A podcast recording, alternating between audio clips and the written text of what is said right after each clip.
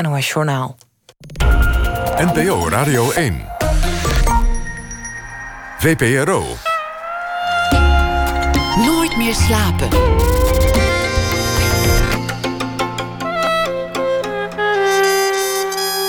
Met Pieter van der Wielen. Goedenacht en welkom bij Nooit meer slapen. Na een, een gesprek met Chidem Yüksel. Zij won zaterdag de Zilveren Camera, de fotografieprijs... voor een reportage over kinderarbeid onder jonge vluchtelingen in Turkije. Ze is de gast na ene. Ernest van der Kwast schrijft deze week elke nacht een verhaal bij de voorbije dag. En dat zal hij ook vannacht doen en voordragen na ene. En Roald van Oosten, muzikant, speelt twee liederen in de studio, ook na ene. Te beginnen met Dimitri Verhulst, de Vlaamse schrijver... bekend van de helaasheid der dingen... Problemski Hotel, Godverdomse dagen op een Godverdomse bol en recent Spoopidoo. Hij neemt dit keer de gedaante aan van televisiepresentator voor de reeks Made in Europe. Aan de hand van het boek van Pieter Steins gaat hij op zoek naar het wezen en de essentie van de Europese cultuur. En dat doen ze aan de hand van thema's. Bijvoorbeeld rebellie, van Socrates tot Pippi Langkous, van Pussy Riot tot Jacques Brel. Verhulst reist rond door Europa, hopend de Europese ziel bloot te leggen. Aflevering 2 zal gaan over religie. Dan ontmoet hij mensen. Sharp, zijn uh, geliefde althans, een van de vermoorde tekenaars van Charlie Hebdo. Nadia Tolokonikova van Pussy Riot en kunstenares Marina Abramovic. En hij zal ook schrijver Oran Pamuk treffen, de Nobelprijswinnaar. Made in Europe is vanaf deze week te zien op televisie. En Dimitri Verhulst is geboren in 1972 en groeide op in de buurt van Aalst. En is toch voornamelijk schrijver. Dimitri, welkom. Leuk dat je er bent. Lang geleden dat ik die tegen een man gezegd heb. Goedenacht. Goedenacht, ja, ja. Soms moet je tegen een man zeggen. En uh, dat is dan, uh, dan vannacht ook. Heb je zelf een televisie thuis? Nee. Dus je bent geen kijker? Jawel, uh, televisies, nou ja... Ik, uh, ik een klein beetje. Ik heb natuurlijk wel een computer. Dus je kijkt en vandaag de dag kan je zoveel zaken in uitgesteld relais bekijken op de computer. En ik, ik, ik heb problemen met televisie als meubel. Ik vind het heel erg lelijk. Ik ben blij dat het eindelijk plat geworden is. Uh, ik ben opgegroeid met zo'n, als de meeste mensen, met zo'n dikke bak die er als een aquarium uitzag. En ik heb het altijd vervelend gevonden dat een televisie bepaalde hoe het interieur eruit zag. Je kan een televisie wegfilteren uit het interieur en toch weet je waar televisie staat. Alle meubelen staan in functie van televisie. In de richting van, ja, het, van het altaar. Ik heb dat zo lelijk gevonden. Maar ik kijk wel dingen, ja. Maar dan op computer. Hoe is het om het nu beroepshalve te doen? Je bent natuurlijk heel vaak de gast geweest in programma's. En dan moet je iets vertellen over je boek of over jezelf of over waar je mee bezig bent. Maar nu ben jij de, de, de dragende leider, de gids van het programma. Weet je wat heel erg leuk is? Ik heb één jaar voor Arte gewerkt. Ik heb een kunstprogramma gehad op Arte. Eén uh, jaar lang. En niemand weet het, want het was Franstalig. Dus ook in Vlaanderen weet men dit niet. En uh, word ik nu gepresenteerd als de mens die voor het eerst uh, televisie gaat maken. Maar je had stiekem al ervaring? Ja, ik heb, ik, ik heb al, al televisieervaring, ja. Het boek was van Pieter, van, uh, Pieter Steins. Die ging, die ging op zoek naar de Europese cultuur aan de hand van thema's. Hij is er niet meer. Nu op televisie te zien. Je hebt onvoorstelbaar veel gereisd voor deze serie. Want, want je duikt op. Nou, ik heb, ik heb uh, de eerste twee afleveringen kunnen zien. Die zijn af. De rest wordt nog uh, druk aan ge, gemonteerd. Ik zie je in Istanbul. Ik zie je in uh, Stockholm. In, in Parijs. In, nou ja, noem maar op. Op, op mm. allerlei plekken duik je op. Hoe, hoeveel steden heb je aangedaan? Wow, nu moet ik gaan tellen. ik weet, we hebben om en bij de 85 draaidagen in het buitenland gehad. Uh, en ik heb ontzettende moeite om die film terug te spoelen. Uh, om, om te zeggen, die periode was ik daar en daar. Ja, we hebben gewoon Europa gedaan. Spanje hebben we niet gedaan. Uh, Polen hebben we niet gedaan. Oostenrijk hebben we niet gedaan. En dat is het ongeveer. Voor de rest, denk ik, hebben we het allemaal gedaan. Gans Europa doorkruist. In alle hoeken geweest. Ja, heerlijk. Laten we het uh, hebben over de, de, thema's die, die onder meer langskomen. een van de thema's is religie. En dan vertel je ook iets over jezelf, want het, het wordt ook persoonlijk. En, en wat je vertelt uh, is, is dat je vroeger altijd een gebed zei voor je ging slapen. Dat je niet kon, kon slapen zonder je eerst tot het hogere te hebben gericht. Hoe ging dat? Ja, weet je, we doen heel erg hard ons best met deze serie om aan te tonen dat kunst over ons gaat. Dat het over het leven gaat, over ons denken gaat, over onze filosofie gaat, over onze gevoelens gaat, over ons dagelijks leven gaat. En er is maar één manier om daar eerlijk mee om te springen. En dat is namelijk ook om zelf mijn eigen zieltje bloot te leggen. Dus ik geef af en toe, weliswaar goed gedoseerd, maar af en toe ook mijn zieltje bloot. En als het dan over religie gaat, wat een gevoelig onderwerp is, misschien wel meer dan ooit op dit moment, opnieuw, jammer genoeg, vind ik, oké, ik moet nu mijn hemd opentrekken en mijn borstkast tonen en mijn hart blootleggen. En het dan ook over mijn eigen omgang met religie hebben. En ja, ik ben een zeer religieus jongetje geweest als kind. Uh, Jezus is ooit mijn allerbeste vriend geweest.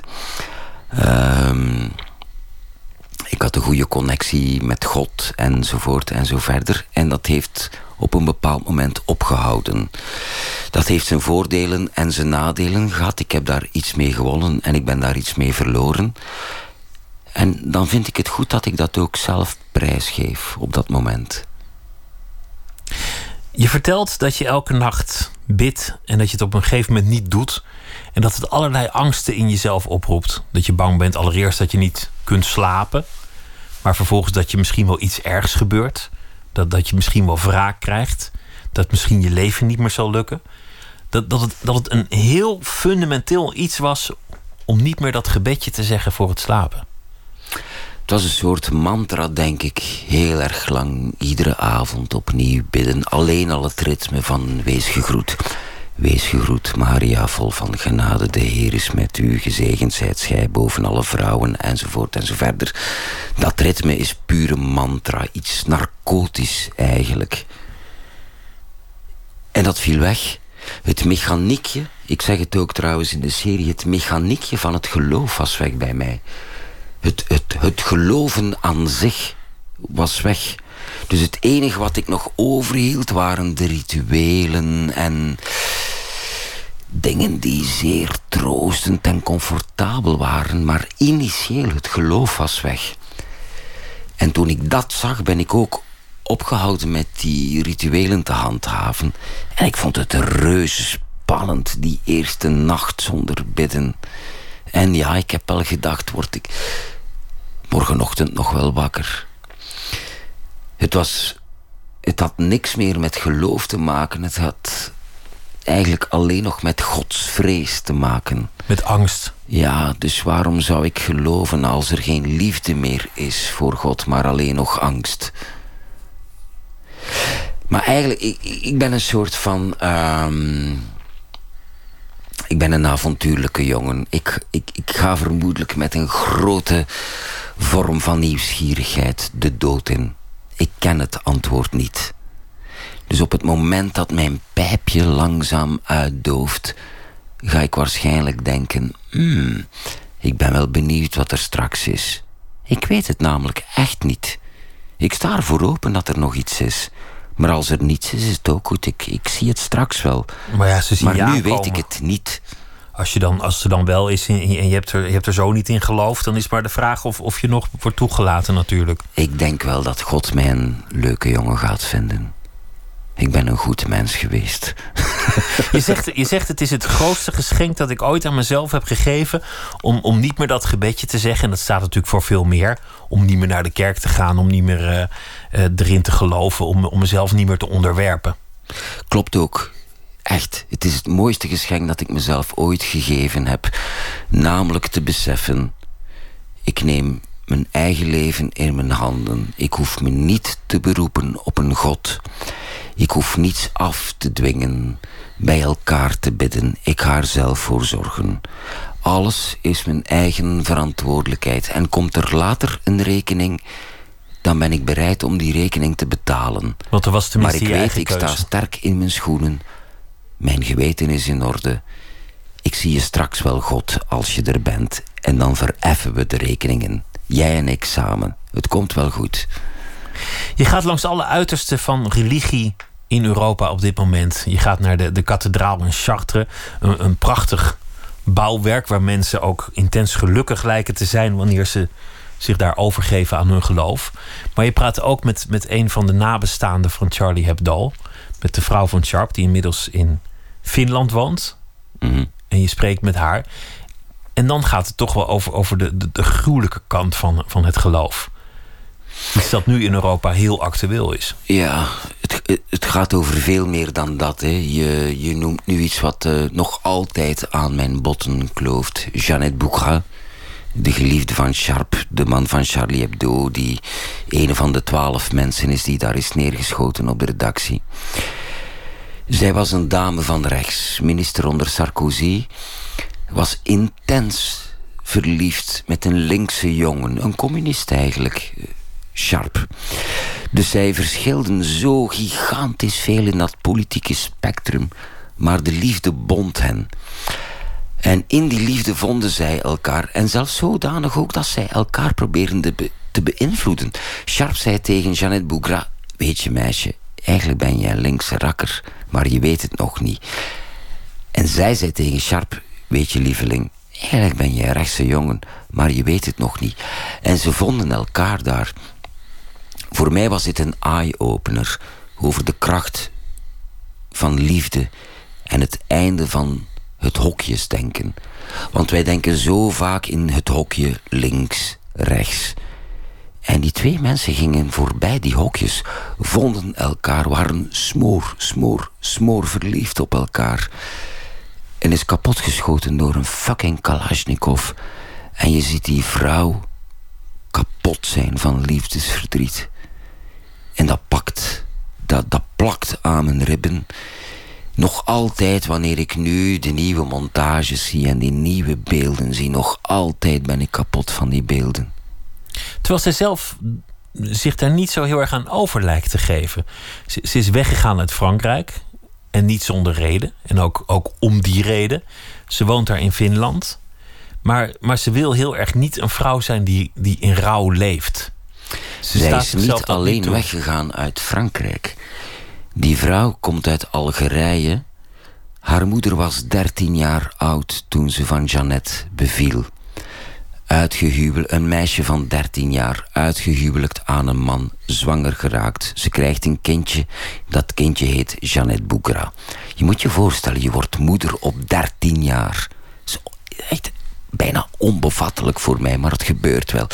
Dus die dame groeit op met een ongelooflijk idee van onrecht, wil vechten voor vrouwenrechten. Omarmt het idee van la laïcité, wat heel moeilijk uit te leggen is, maar samengevat is het scheiding van godsdienst en staat. En haar grote licht ziet zij in Frankrijk schijnen, het land van liberté, fraternité. En zij, dat, dat is mijn land. En ze gaat erheen als dame uit Noord-Afrika, wordt dag, dagelijks uitgescheten voor vuile migrant, vuile bruine, vieze, vuile moslim, terwijl ze aan het vechten is voor Franse waarden, de, grote waarden van de Franse revolutie, die zij is gaan verdedigen met, met hart en ziel, gaat uiteindelijk in de politiek met hart en ziel, verdedigt al die waarden en ziet haar grote geliefde doodgeschoten worden. Iemand die ook die waarden verdedigt. En moet uiteindelijk ook Frankrijk ontvluchten. Wat een pijnlijk verhaal. Ik ben er kapot van. Intens kapot. We kunnen meer bespreken over wat je, wat je doet in de aflevering over religie. Maar volgens mij spreekt de, de serie aardig, aardig voor zich. Het laat namelijk zien hoe, hoe gespannen de situatie nu is in Europa met, met religie. Maar ook hoe ver dat teruggaat in, in de geschiedenis. De rebellie Dat kan je op heel veel manieren uitleggen. Interessant is jouw ehm, ontmoeting met, met Pussy Riot, met Nadia Tolokonikova. Dat lijkt aanvankelijk een beetje een ongemakkelijk gesprek. Het, het, lijkt alsof ze zich niet helemaal wil overgeven aan, aan, aan de interviewer. Hoe, hoe was dat gesprek? Hoe ging dat? Klopt wat je zegt. Uh, ik vond het ook een, een heel moeilijk gesprek. Ik uh, vond gaandeweg dat ze een beetje maturiteit miste. Laat ons niet vergeten, die dame is ondertussen bijna 30 jaar, heeft een kindje van 10 jaar. En ik vond daar een aantal, um, hoe zal ik het formuleren? Open deuren poneren, waarvan ik dacht, mm, nu klink je iets te veel als de 18-jarige het eerste jaar op de universiteit... die dan zo de fantastische zinnen van de interessante professor aan het uh, herkauwen is. Was lastig, maar neemt niet weg. Ik ben haar zeer erkentelijk voor wat ze gedaan heeft in Moskou. Zij wist heel goed wat zij deed op het moment dat zij fulmineerde tegen Poetin en zijn regime tegen het regime ook van de orthodoxe kerk die samenspannen met uh, Poetin. En zij wist ook de prijs die ze ervoor ging betalen. En ze heeft het heel consequent gedaan. Dus ik ga haar niet zomaar uh, uitlachen. Maar het was een lastig gesprek, dat moet ik wel toegeven. Een van, een van de anekdotes die ik hoorde was dat, dat ze ineens geld wilden. Terwijl daar in de, in de productie helemaal niet over gesproken was. En jullie komen daar met een cameraploeg helemaal naar Moskou gereisd. En ze zegt ineens, je weet wel dat ik uh, geld vraag voor een interview. En het was ook geen mals bedrag. Ja, over die bedragen kan ik niks vertellen, want dat is iets wat tussen haar is gebeurd en, en, en de productie, daar heb ik zelf niks mee te maken. Maar ze was wel een beetje snobby. Uh, het uh, bijna puberale gedrag van ik wil eerst een fles vodka hebben voor we dit gesprek hebben. Een beetje een ster geworden. Ja, ik voel het te veel L.A. en te weinig uh, Nadia.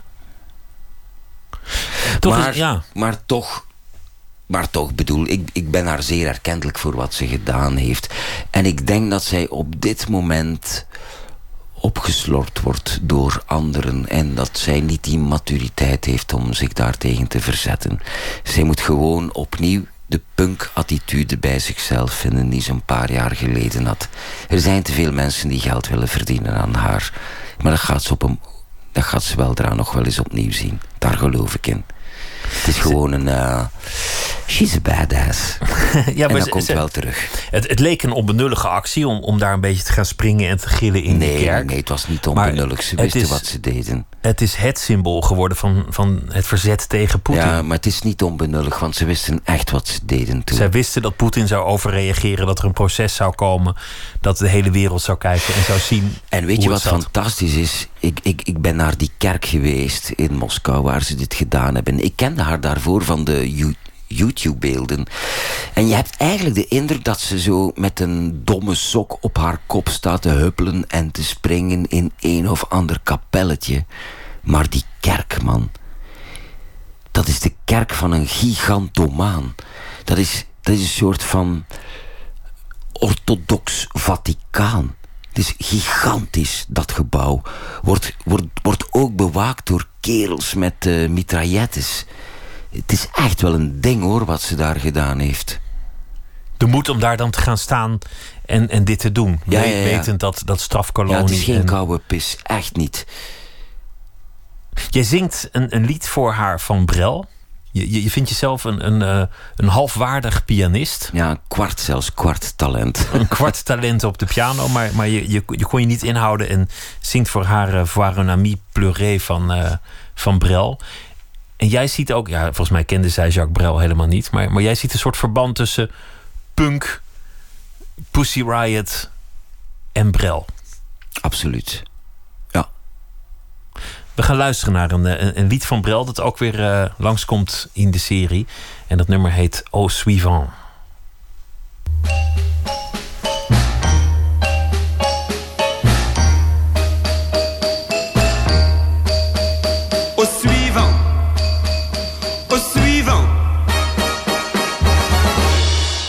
Nu dans ma serviette qui me servait de pagne J'avais le rouge au front et le savon à la main. Au suivant, suivant, j'avais juste 20 ans et nous étions 120 à être le suivant de celui qu'on suivait au suivant, au suivant. J'avais juste 20 ans et je me déniaisais au bordel ambulant d'une armée en campagne. Au suivant, au suivant. Moi, j'aurais bien aimé un peu plus de tendresse, ou alors un sourire, ou bien avoir le temps, mais au suivant, au suivant. Ce ne fut pas Waterloo, non, non, mais ce ne fut pas Arcole. Ce fut l'heure où l'on regrette d'avoir manqué l'école. Au suivant, au suivant. Mais je jure que d'entendre ce adjudant de mes fesses, c'est des coups à vous faire, des armées d'impuissants. Au suivant, et au suivant. Je jure sur la tête de ma première que cette voix depuis je l'entends tout le temps. Au suivant, au suivant. Cette voix qui sentait l'ail et le mauvais alcool, c'est la voix des nations et c'est la voix du sang. Au suivant, chaque femme a l'heure de succomber. Entre mes bras trop maigres semble me murmurer au suivant,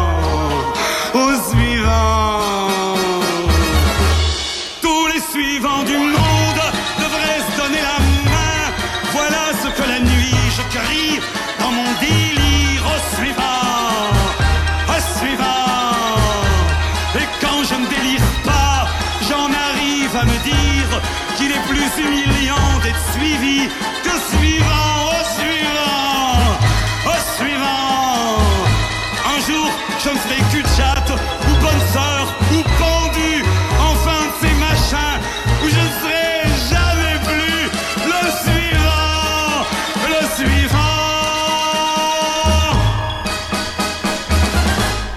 Jacques Brel, Au Suivant, komt voor in de serie Made in Europe, gepresenteerd door Dimitri Verhulst, ook Belg. En die zit tegenover mij, schrijver en ook televisiemaker dus. En eh, de serie is gemaakt naar het boek van Pieter Steins. We hadden het net over eh, Nadia Tolokonikova van Pussy Riot. Je zit daar thuis met haar vriend Piotr. Jij zit achter de piano. Er is een soort flirt gaande, volgens mij. Er is ook wodka in, in de vrouw en rode wijn in de man. En, en die Piotr die is ineens verdwenen. Die, die, die, die, die onttrekt zich een beetje aan het beeld. Of misschien was hij bellen of, eh, of moest hij naar de wc. Wat, wat gebeurde daar nou? Na het moment dat ik Jacques Brel speel voor Nadia... wil ik haar eigenlijk betrekken in het grotere geheel. Ik wil haar duidelijk maken van... hier hebben we het over. Als televisiemaker Het gaat over rock en roll. Het gaat over punk. Maar niet zozeer punk in de zin van alles kapot te gooien... maar punk in de zin van iets op te bouwen. Jij zit in die serie en Jacques Brel zit ook in die serie. Ken jij Jacques Brel? Uiteraard kent Nadia Jacques Brel niet. Enfin, uiteraard. Hoeft niet uiteraard te zijn, maar ze kende hem niet. Dus voor mij was dit de, de ideale gelegenheid om het bruggetje te maken. En dan... eh, toevallig stond er een piano. Echt toevallig.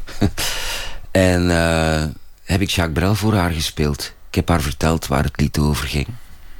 Ik heb toen Var un ami pleuré eh, voor haar gespeeld. Wat ook weer zo'n typisch Brel-lied is. Het is altijd van een valse sentimentaliteit. Jacques Brel is de zanger die ons constant in onze reet neukt, zonder dat we het doorhebben. En dat kan een beetje plat klinken, en zo bedoel ik het ook niet. Ik wil helemaal niet plat zijn, maar hij doet het wel. En dat vind ik zo geniaal aan Jacques Brel, dat hij soms de zeemzoete melodie gebruikt, dat hij soms de zeemzoete zin gebruikt, Maar wanneer je tussen de lijnen leest, wanneer je tussen de lijnen luistert, dat je weet van kerel, je hebt me gewoon bij mijn strot. Jacques Brel is punk. Echt pure punk. De rebellie van Jacques Brel is niet alleen dat hij, dat hij tegen religie en tegen de burgerlijkheid is en, en, en tegen allerlei conventies, maar ook dat hij zijn eigen levensloop heeft verlegd. Het leven dat voor hem was uitgestippeld, dat heeft hij aan zich voorbij laten gaan. De kartonfabriek van zijn vader en, en, en zo nog wat dingen, het huwelijk met de jeugdliefde. Hij, heeft zijn eigen pad gekozen. Is dat iets waarin je je verwant voelt aan hem? Ehm, pap, pap, pap, pap. Dit programma duurt minder dan drie weken, hè, want ik heb het gevoel dat ik daar even over moet nadenken. Maar als ik het kort moet samenvatten, dan hoop ik dat ik op deze vraag ja mag antwoorden. Dat je je eigen pad hebt gekozen. Ja, er zijn natuurlijk dingen die bepalend zijn in het leven en die we niet zelf hebben gekozen. Bijvoorbeeld mijn afkomst is bepalend geweest, bijvoorbeeld financieel. Maakt al meteen dat je de studies kan doen die je zou willen gedaan hebben. Dus dat zijn al dingen waar je het niet zelf voor het kiezen hebt. Maar in grote lijnen denk ik... Ja, ik ben wel iemand die voor mezelf opkomt. Je noemde als besli- beslissend moment het niet meer bidden. Ja. Maar er is natuurlijk ook het moment geweest dat je ging schrijven. Dat je ineens een pen, een papier, misschien een typemachine pakte Ja. en, en woorden op papier ging zetten. Wanneer was dat? vrij snel in mijn leven. Ik, ehm, ik herinner me dat ik een jaar of vier was en ik had een oudere oom. Mijn onkel Potrel, mijn ideale onkel. Ehm, en eh, die kon al schrijven en ik was gigantisch jaloers, want ik wou dat namelijk ook. Dus ik vond een soort van alfabet uit. Ik wou namelijk de gelijke zijn van die oom die kon schrijven. En toen, kwam, eh, toen was ik zes jaar. Uiteindelijk, na lang wachten, mocht ik eindelijk naar het eerste leerjaar. De fantastische juffrouw Christine leerde me het alfabet, leerde me schrijven. En ik wist, dit is het. Dit is mijn leven. Ik wil voor eeuwig en altijd schrijven. Al van in het eerste leerjaar wist ik, ik word schrijver. Wat schreef je En dat, dat, dat had geen enkele connotatie met literatuur, geen enkele aspiratie van beroemd zijn of zo. Want ik, ik, ik, ik ken dat soort linken legde ik toen niet. Maar schrijven was wat ik wou doen. En wat zo mooi is, het is nog altijd zo. Nooit anders geweest. Nee. Maar je, je groeide op met een, met, een, met een vader die zoop. Mhm. Een, een moeder die voor, voor een groot deel in jouw leven afwezig was. Mhm. Die, die, die je weinig hebt gezien in je bestaan. Een deel heb je doorgebracht in een, in een tehuis. Mhm. Waar het niet prettig was. Als je vader thuis kwam, dan moest jij je verstoppen. Want hij sloeg de boel kort en klein. En al die tijd was het, was het schrijven datgene waar jouw bestaan over ging. Was, was dat vol te houden? Ja, makkelijk. Ik weet niet wat het is. Ik weet niet waar het vandaan komt. Maar ik ben... Ja... Het, het, is raar. Ik, ik, ik, ik heb die rare band met ehm, taal. Met het maken van verhalen, met het neerpennen. Ook fysiek. Het fysieke schrijven. Het voorovergebogen hangen boven een blad en, en daar iets neerpennen. Ik, ik, ik weet niet waar het vandaan komt, maar het is nog altijd zo. En het is er altijd geweest. Misschien moet ik eens naar een psychiater of zo, maar misschien vind ik het ook niet leuk om te weten waar het vandaan komt. Het is er gewoon. En het mooiste van alles, ik vind het prettig. Kun je, kun, je, kun je vertellen wat het moment is dat het prettig is? Wat de vervulling is van, van, van wat schrijven? Nee, kan ik niet. Nee, kan ik, kan ik niet uitleggen. Maar ik, ik, ik, ik, ik vind het heerlijk. Ik vind het witte blad heerlijk. Gaan schrijven vind ik heerlijk. En geschreven hebben vind ik heerlijk. En schrijven vind ik heerlijk. Ik kan er niet aan doen. Het gebeurt gewoon. Ook als het schijnbaar niks oplevert, ook als het niet goed is naar je eigen smaak, ook als je eigenlijk niet weet waar het naartoe moet. Ja, maar weet je, slecht geschreven hebben is een deel van het proces. Hè? Dat is mooi. Wanneer ik weet dat ik een slechte zin gemaakt heb, ben ik goed bezig. Dan schrap ik hem, dan gooi ik hem in de prullenmand. En dan ben je eigenlijk iets aan het bouwen. Het is fantastisch. Inzien dat je slecht bezig bent is heerlijk. Dan gooi je het weg en doe je verder. Stel je voor, dat je niet inziet dat je slecht aan het schrijven bent. Dat is pas een drama. ik las je laatste boek, dat gaat over een, een, een doorgehaalde nacht in een stad die niet genoemd wordt, maar die, die lijkt op Gent. Geschreven in, in, in de jij-vorm die terugkeert. Veel drank, veel sigaretten, veel ontmoetingen. Is je vader nog steeds aanwezig als je schrijft? Schrijf je nog steeds voor je vader? Nee. Nee, heb ik niet. Nee, mijn vader is dood. Uh, dus daar hoef ik niet voor te schrijven. Uh, ik, ik, vermoed dat hij niet meer leest. Als ik al voor één van mijn ouders zou schrijven, is het misschien wel mijn moeder, waarvan ik niet weet of ze nog leeft. Uh, er is een kleine kans dat ze nog leeft. even rekenen. Ik denk dat ze nu 2 of 63 zou moeten zijn. En er is wel eens het moment dat ik denk van... Hmm, misschien loopt mijn moeder af en toe wel eens in een winkelstraat. Langsheen een boekhandel. En mag mijn boek dan in de etalage liggen. En staat daar mijn naam op de kaft. En weet mijn moeder van mijn bestaan af. En weet ze ook van... Die klootzak van een kleine van me... heeft het gemaakt, de lul. Maar is dat een motivatie voor je? Nee, maar dat is lang geleden. Dat is eigenlijk een oud gevoel. Het was iets wat speelde in mijn beginjaren als auteur. Maar ik, heb ik helemaal niet meer. Want je hebt veel fases van je leven beschreven. Een deel, deel is geïnspireerd op, op, op het nest waar je vandaan komt. Mhm. Een boek is geïnspireerd op, op het tehuis waar je zat. Er zijn, zijn boeken die gaan over de jonge man die je was. Veel van die fases die heb je wel als inspiratiebron gebruikt. Is, is dat dan ook iets waar, waarna het weg kan, waar, waarna het niet meer hoeft? Nu, het valt wel mee hoor. Ehm, ik heb uh, dit jaar denk ik mijn zeventiende roman uh, gepubliceerd. Maar eigenlijk heb ik maar vier autobiografische boeken. Dus dat valt wel mee. Maar uh, kan het weg? Het kon altijd al weg. Ik begin nooit te schrijven uit therapeutische overwegingen. Ik begin eigenlijk te schrijven op het moment dat het niet meer hoeft. Ik, ik vind schrijven als medicijn geen goed ding. Je schrijft gewoon voor de kunst? Of uit drang om te schrijven? Maar niet om, om een persoonlijke reden?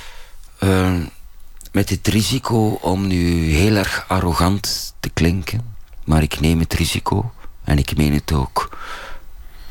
Het is voor de kunst. In het laatste boek schrijf je hoe een man erop uitgaat om, om de hele nacht door te gaan, zoals het wel vaker gaat. Aanvankelijk zegt hij nog: Ik zal op tijd thuis zijn, maar het loopt natuurlijk anders. En dan gebeurt iets dat er al, dat al vaak gebeurd is en dat er, dat er ook ongetwijfeld nog vaak aan zit te komen: een terreuraanslag. En dan komen die twee bij elkaar. Op een manier die, die, die ik eigenlijk wel elegant vond. Het alledaagse leven, doen wat je altijd doet, het wel of niet nemen van een beslissing in je bestaan en dat grote verhaal van van die manier van leven die bedreigd wordt, het gevaar dat in ons midden is, een samenleving die verscheurt. Wat is je antwoord? Ik heb heel erg weinig uh, theorieën over wat goede literatuur zou moeten zijn. Maar toen ik uh, de helaasheid er dingen schreef... zag ik één dingetje van misschien is het dit. Ik denk dat een goed boek het kruispunt is van twee verhalen. Dat prachtige snijpunt. En uh, bij de helaasheid der dingen was het voor het eerst dat ik dat zag. Van Eén verhaal is niet voldoende. Eén verhaal is geen enkele reden van bestaan. Maar laat ons twee verhalen samenkomen. En dat snijpend waar die twee dingen botsen. En toen ik dat vatte, dacht ik... Oké, dit is misschien wel mijn, mijn richting in het schrijven. En ik vind het altijd prettig wanneer ik twee dingen kan laten clashen in zo'n verhaal. En dat had ik ook met Spoopy Voor, voor sommigen was het, was het een ergernis. Was het uit ergernis geboren. Er gebeurt zoiets ergs en iedereen gaat gewoon door met waar hij mee bezig was. En neemt gewoon de gebruikelijke koegentocht en de gebruikelijke afslagen. Voor anderen was het een betoog. Dit is hoe we moeten leven. Dit is ons antwoord op terreur. Juist nu moeten we, drinken en lachen en, en liefhebben. Dat vond ik interessant dat mensen het zo tegenovergesteld konden interpreteren. Terwijl volgens mij geen van beide echt waar waren. Ja, ofwel alle twee. En dan hebben we het opnieuw over dat kruispunt waar de twee samenkomen. En is leuk. Laat het gewoon de twee zijn. En laat ons op het kruispunt staan waar die twee samenkomen. En dan heb je verhaal. Er hoeft geen eensluitend antwoord te zijn. Ik vraag het ook omdat dat eigenlijk is waar die serie over gaat. Wat kan literatuur doen in, in het oog van de geschiedenis? Ook daar denk ik is er geen eensluitend antwoord. Maar de vraag is wel mooi geformuleerd. In Made in Europe. Ik vind dat we een prachtig geformuleerde vraag hebben. En het antwoord is dan niet zo belangrijk eigenlijk? Uh, jawel, er mag er een komen. Ik ben er ook nieuwsgierig naar. Maar ik moet ook bereid zijn als televisiemaker, als auteur, als whatever. Ik, ik moet bereid zijn om te aanvaarden dat er soms geen antwoord is. Soms is er geen. En soms zijn er meerdere. En die hebben allemaal hun geldigheid. En is mooi. Dat is mooi. Dat is echt mooi dat we die meerdere antwoorden samen laten zijn. Of als er geen antwoord is, dat we gewoon zeggen: er is geen antwoord. Moet kunnen. Ik vroeg je of, of je jezelf kon vergelijken met Jacques Brel, die zijn eigen leven heeft gekozen, die, die, die zijn pad heeft gekozen. Toen, toen zei je: Ik hoop het. Ik, ik hoop dat het zo is. Ik hoop dat ik mijn eigen weg in dit bestaan heb gekozen. Tegelijk kan het natuurlijk niet helemaal, want je komt ergens vandaan. Je draagt dingen met je mee. We hebben allemaal onze troeven meegekregen bij de geboorte. En uh, dan zijn we gelukkige jongens dat we in Europa geboren zijn, bijvoorbeeld. En ook een paar dingen die wat, die wat minder een troef zijn. Is, is voor jou om, om, om uit zo'n jeugd te zijn voortgekomen, die, die zo versnipperd was en zo ingewikkeld, is dat een voordeel of een nadeel voor je schrijverschap? Ik weet het niet. Uh, ik weet het niet. Het is een hele hypothetische vraag natuurlijk. Um, ja, ik, ik, ja, ik weet het niet. Ik kan niet vergelijken. Ik ben nooit geboren in een uh, gelukkig gezin. Laat me even geboren worden in een gelukkig gezin met veel geld. En dan zal ik het je vertellen, maar ik, kan niet vergelijken. Maar ik weiger mee te gaan in dat hele idee dat uh, een ongelukkige jeugd een, een soort van garantie voor het gouden schrijverschap, kunstenaarschap zou zijn. Stel je voor dat ongeluk per definitie een goede schrijver voortbracht. Dan komen er elke dag duizend schitterende romans tot ons die geschreven zijn aan de Ivoorkust, in Syrië. Dan zou ieder jaar de Nobelprijs literatuur geworden, uh, gewonnen worden door een Afrikaan. Maar kijk, het was Bob Dylan dit jaar. Ongeluk is niet, uh, niet genoeg, uh, kortom. Heb je, heb je vallen in je eigen bestaan? Heb ik wat? Vallen, zwaktes in jezelf, in, in je karakter? Ik heb niks anders dan zwaktes in mijn karakter. ik dacht dat u ging vragen, heeft u ook iets, goed, heeft u ook iets goeds in uw karakter? Dat was een moeilijke vraag ik geweest. heb alleen minpunten. Ja. Toch ben je ze niet allemaal uit de weg gegaan. Ik bedoel, als je al je, al je minpunten kent, dan, dan kun je zeggen: Nou ja, dit moet ik wel doen, dit moet ik niet doen. Maar, maar bij jou is dat niet zo gegaan in je bestaan. Ik weet niet. Ik, ja, ik heb niet de, de, de, hoogste pet op over mijn karakter, moet ik zeggen. Nee, ik denk niet dat ik. Uh, Wat vermist met je karakter? Ik ben zeer impulsief. Uh, ik ga los door de muur. Altijd. Ik heb een gigantische grote neus voor vrolijkheid. Ik leef graag. Ik uh, consumeer het leven met volle teugen. Ik werk met de pletter. Dus als je daarnet over uh, Jacques Brel en mij begon, denk ik. Dus als er al een verband zou zijn, is het misschien daar.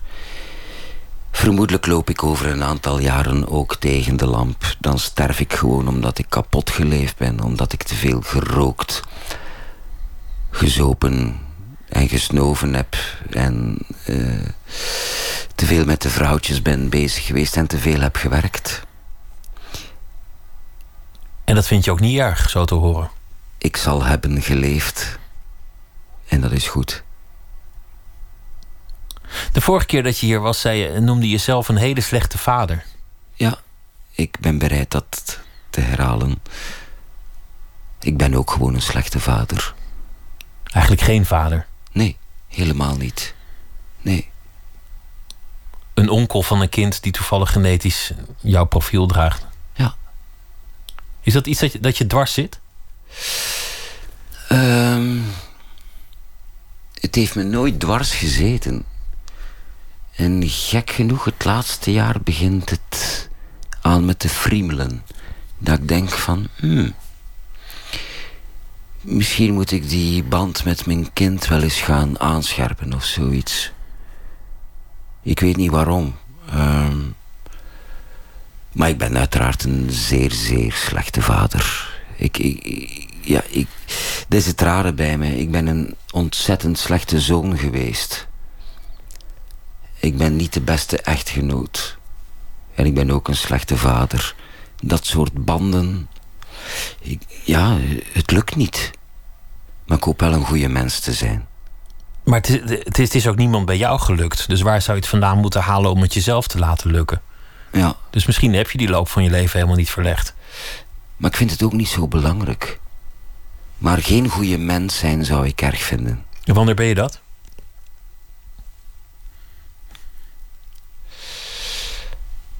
Het is een uh, fantastische, het is eigenlijk echt een fantastische vraag.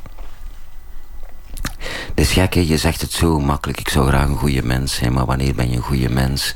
Wanneer ben ik een goede mens? Ik uh, weiger met oogkleppen op te leven. Ik wil een ethisch mens zijn. Echt, ik probeer zo... Meen ik echt... Maar los van elke religieuze context probeer ik ethisch te zijn. Het is niet zo'n makkelijke oefening. Maar ik probeer het wel. Um, maar ook het woord ethiek is eigenlijk al cultureel gebonden. Hè? Want ik heb een Europese ethiek. Wat is bijvoorbeeld een Aziatische ethiek? Volgens mij zit daar verschil op. Maar goed, met mijn Europese achtergrond ja, probeer ik zo ethisch als mogelijk. In, welk, in welke zin bedoel je dat? Is dat onbespoten appels eten? Of, of, of is dat, dat in, in overeenstemming met, met, met een bepaalde leerleven?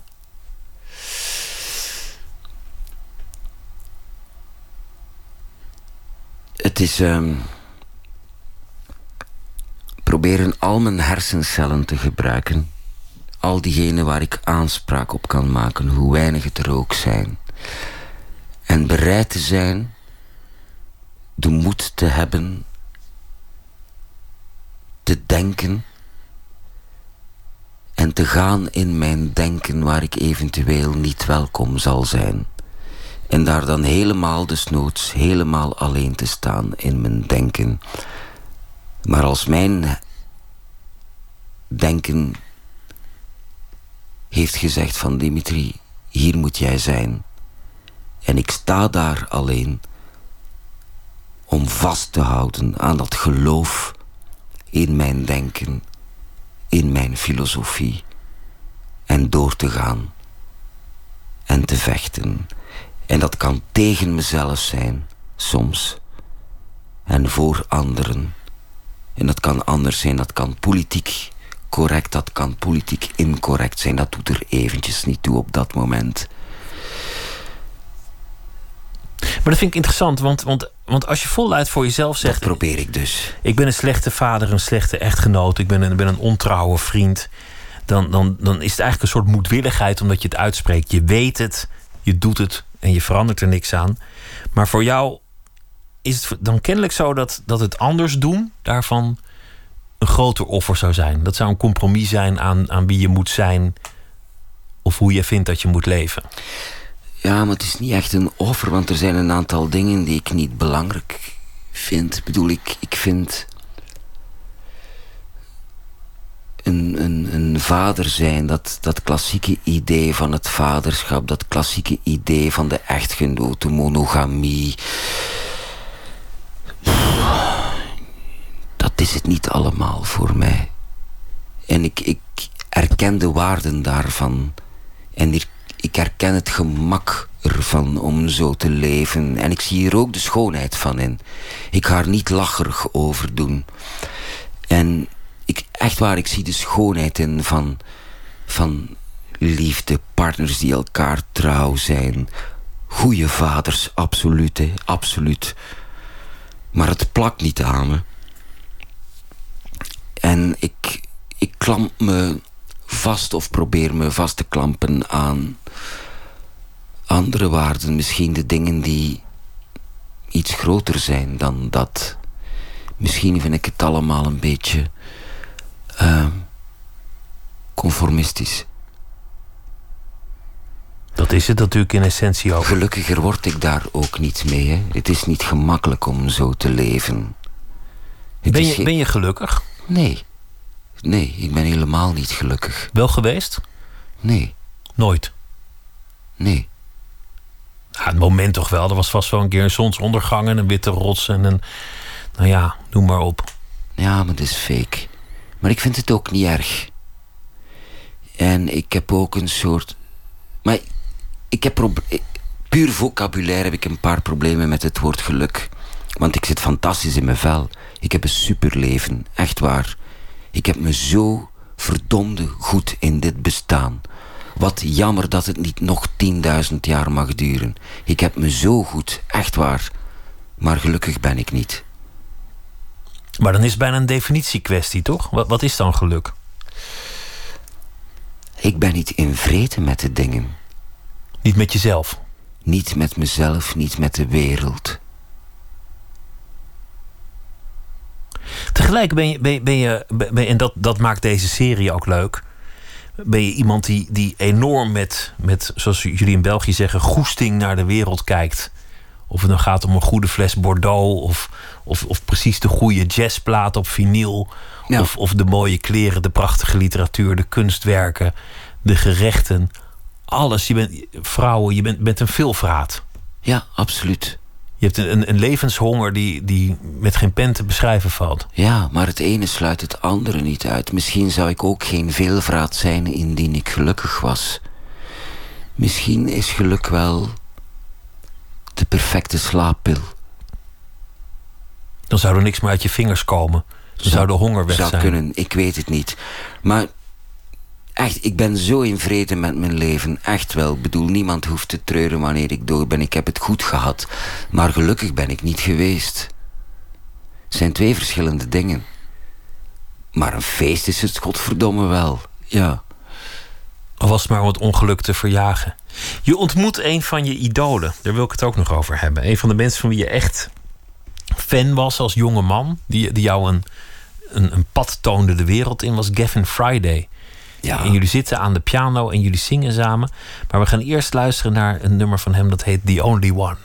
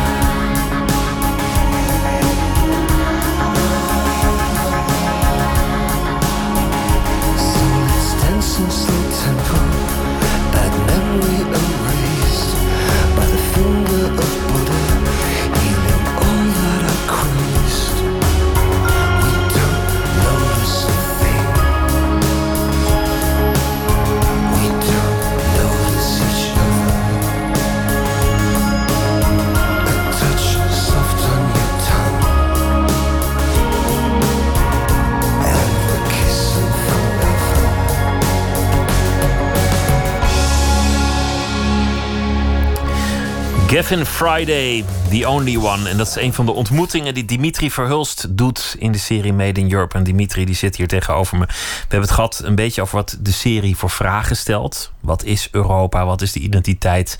En wat betekent kunst in het leven van de gewone stervelingen? En we hebben het gehad over je eigen leven.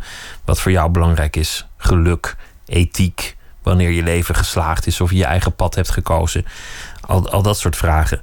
De enige vraag die eigenlijk dan nog open blijft liggen is: wat is, wat is het belang van literatuur? Dat je, je probeert met die serie te laten zien: kunst gaat over veel meer dan alleen vermaak of schoonheid of dat soort dingen. Maar ben, je- ben je erachter wat het dan is? Ehm, het is een vraag die ik een beetje probeer te vermijden voor mezelf ook, want ik ben bang dat ik er dan ga achterkomen dat het allemaal geen belang heeft. En daar zit het- je dan, ja. Dan wordt het zo pijnlijk. Het heeft. Nou, belang vind ik zo'n moeilijk woord. Dat klinkt bijna als Voor mij nut. persoonlijk heeft het wel met liefde te maken. Ik, ik, ik heb een liefdesrelatie met literatuur. Ja, wat ik prachtig vind is dat het een eh, communicatievorm is. Die geschreven is van de ene eenzaamheid tot de andere. Ik kan in volkomen eenzaamheid een meesterwerk lezen, geschreven door iemand die het in volkomen eenzaamheid heeft geschreven. En dat zijn voor mij de beste leesmomenten. En ik hoop ergens hetzelfde te mogen meemaken in de omgekeerde richting. Dat ik in mijn volkomen eenzaamheid iets schrijf. Wat iemand anders in zijn volkomen eenzaamheid leest. En dat we elkaar daar aanvoelen. En dat is een band die doorheen tijd en ruimte gaat. Ik kan Flaubert lezen, ik kan Céline lezen, ik kan Shakespeare lezen. En die komen allemaal binnen. Keihard naar binnen, recht mijn hart in. Los door de tijd, los door de ruimte. Het heeft misschien wel geen belang, maar ik vind het wel krachtig hoor. Ik zat intussen na te denken over wat jij, wat je zei over ethiek. En mi- misschien denk ik het te begrijpen, is, is wat jij bedoelt met ethiek. Leven overeenkomstig jezelf, wie je bent en hoe je leeft. Niet onwaarachtig te zijn naar wat jij moet doen in het leven. Niet iets doen wat eigenlijk niet bij je past of waar je geen zin in hebt. Of wat niet hoort bij jouw keuzes. is ook een van de vraagstellingen die we in Made in Europe doen. Op een bepaald moment gaan we het hebben over uh, Montaigne, de essayschrijver. Dan gaat het over het ik. Een beetje een taboewoord, ook in tijden van selfies. Het ik is wat aangebrand. Het autobiografische schrijven wordt als aanstellerig beschouwd. Maar Montaigne die zegt ergens... Het is zo moeilijk om jezelf te zijn. Waarom zou je proberen om iemand anders te zijn? En dat is het inderdaad een beetje. Leven conform je eigen gedachten is niet evident. Probeer maar eens. En is wat ik. Is wat ik probeer. Ja. Hoe is het dan als je, als je op pad bent met, met een regisseur en een cameraman? Want, want, want tv is natuurlijk ook voor een deel ellende. En ze zeggen: kan je nog even uit, aankomen lopen uit de linkerhoek? Kan je nog even een hand geven met rechts? Kan je nog even naar de camera draaien?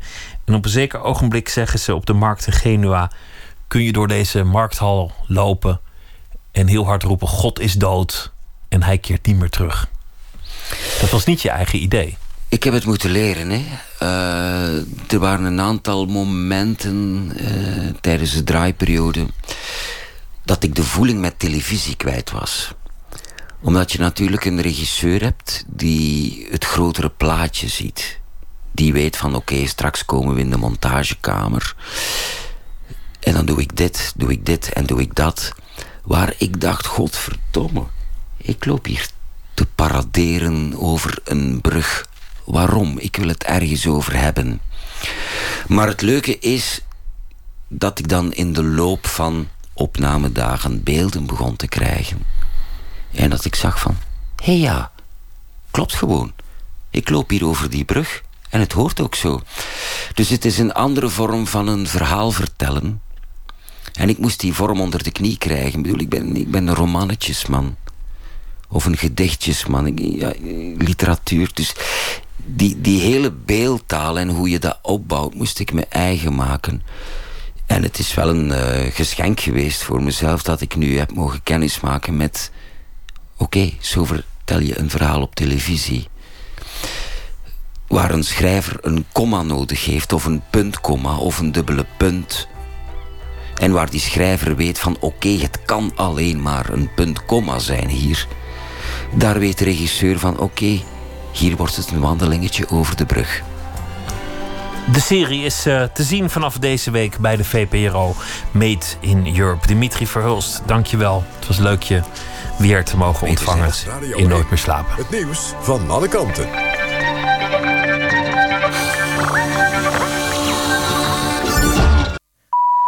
1 uur, Kirsten Klomp met het NOS-journaal. Het Israëlische parlement heeft ruim 4000 huizen... die zijn gebouwd op de privéterreinen van Palestijnen... met terugwerkende kracht gelegaliseerd. In de Knesset stemde een meerderheid voor de omstreden wet die dat regelt. Het gaat om huizen in 16 Joodse nederzettingen... op de westelijke Jordaan-oever. De wet was een initiatief van ultrarechtse coalitiepartijen... die willen voorkomen dat er Joodse nederzettingen moeten worden gesloopt. Pauline Krikke wordt de nieuwe burgemeester van Den Haag. Ze volgt Josias van Aartsen op, die volgende maand na negen jaar stopt. De 55-jarige Krikke was 12 jaar lang burgemeester van Arnhem... wethouder in Amsterdam en directeur van het Scheepvaartmuseum. Ze is nu Eerste Kamerlid voor de VVD. Pauline Krikke zei tegen Omroep West dat ze in Den Haag... niet alleen het Binnenhof, de Raad van State en de ambassade ziet... maar ook meer dan een half miljoen Hagenaars... van wie ze graag burgemeester wil zijn. De voorzitter van het Britse Lagerhuis heeft gezegd dat de Amerikaanse president Donald Trump wat hem betreft niet welkom is om een toespraak te houden in het parlement. Premier May heeft Trump uitgenodigd voor een staatsbezoek. Volgens voorzitter John Burko is een bezoek aan het parlement geen automatisch recht. Een petitie om de uitnodiging voor het staatsbezoek van Trump te schrappen... is inmiddels door ruim 1,8 miljoen Britten ondertekend. Over twee weken is daar een debat over in het parlement. Langs de Oostvaardersdijk in Flevoland zijn tientallen bommen en granaten gedumpt. Ze lagen tussen de stenen op de dijk en voor een deel in het water. Een aannemersbedrijf vond de munitie tijdens het schoonmaken... waarna de explosieve opruimingsdienst erbij werd gehaald. Die heeft alle bommen en granaten meegenomen. De meeste kwamen uit de Tweede Wereldoorlog. Het weer bewolkt en later vannacht vanuit het zuidwesten wat regen. Het koelt af tot 4 graden in Zeeland en min 2 in Groningen. Morgen in de loop van de dag regen, die vanuit het noordoosten overgaat in natte sneeuw. Het wordt 1 tot 6 graden. Dit was het NOS Journaal. NPO Radio 1. VPRO. Nooit meer slapen.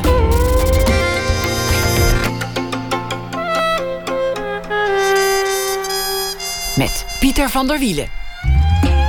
Bij de Nationale Opera is vanaf morgen de opera Prins Igor van Borodin te zien. Een co-productie met de New Yorkse opera en met Russisch opera repertoire. Dus zometeen een kijkje achter de schermen. Fotograaf Chidem Yüksel komt op bezoek. Zij won afgelopen week eindelijk de zilveren camera voor een fotoserie over Syrische kinderarbeid in Turkije.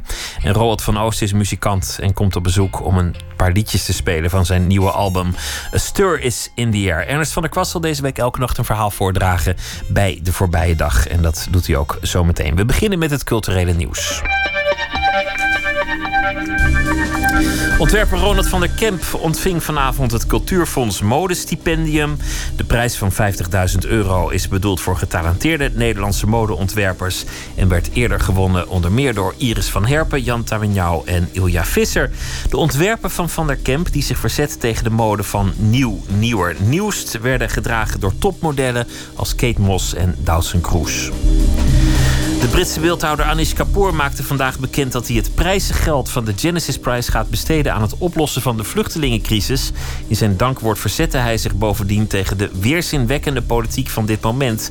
De Genesis Prize, ook wel de Joodse Nobelprijs genoemd, was 1 miljoen dollar waard. Het Nederlandse ontwerpduo Margje Theo en Erik Swiers beschuldigt IKEA van het namaken van hun zogenaamde proplamp. Het is een hanglamp die een, hanglamp die een beetje lijkt op een uh, grote prop papier, maar het is van ander materiaal gemaakt. En dat is dus een uh, rechtszaak geworden, want IKEA kwam met een soortgelijk ontwerp op de markt. Half maart zal de rechtbank bepalen of het inderdaad om plagiaat gaat.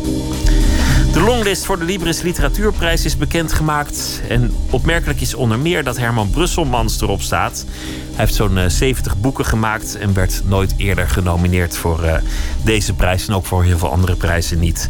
En ik heb hem aan de telefoon. Goedenacht, Herman. Is dit, dit belangrijk voor je? Goh, het is, het is leuk. Het, is, het, is, een longlist, dus er staan 18 boeken uh, op de lijst. En daarvan ga je naar 6, dus 12 kunnen er afvallen. En daar kun je ook altijd bij zijn natuurlijk. Hè. Het is wel uh, een beetje onverwacht in die zin dat ik uh, ondertussen in de 70 boeken heb en nog nooit genomineerd ben.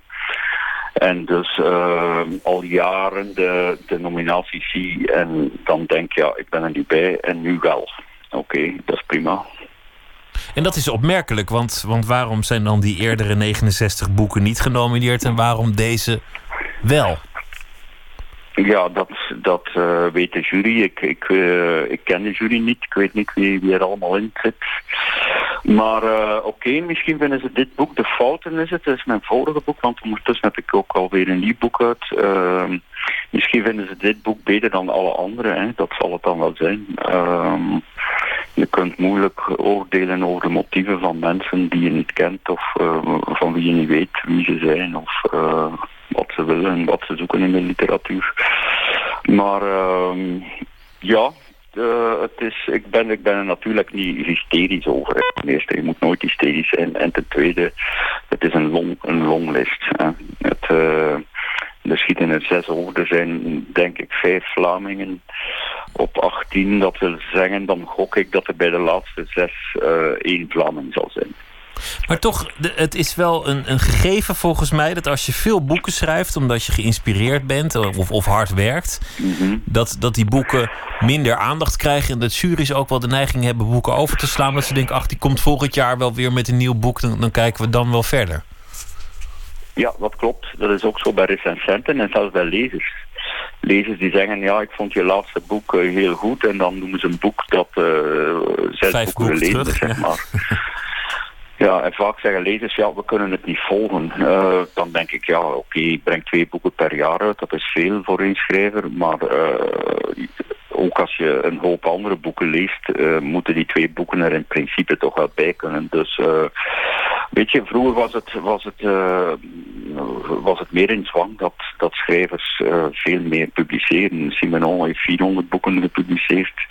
En ook in, bijvoorbeeld in de muziek, de Beatles brachten drie LP's per jaar uit enzovoort. nu zit het allemaal zo'n beetje in seizoenen. Hè. Je hebt het voorjaar, het najaar, dan moeten dan folders, aanbiedingsfolders, die moeten maanden vooraf al gedrukt zijn. En vaak is voor vele schrijvers zo'n zo boek een lange termijn werk, maar voor mij niet. Uh, ik schrijf er twee per jaar en dat gaat uh, goed, omdat ik ten eerste graag schrijf en ten tweede het snel doe. Dus uh, ik sta er nooit bij stil dat ik, dat ik ongelooflijk veel publiceer. En af en toe wordt er een uh, boek ook door de professionals opgemerkt. En uh, deze roman staat dus op de longlist van de Libris. Geen reden om hysterisch te worden. Wat is wel een reden om hysterisch te worden? Desalniettemin. Gefeliciteerd en een goede nacht, Herman Brusselmans. Oké, dankjewel en tot ziens. Dag.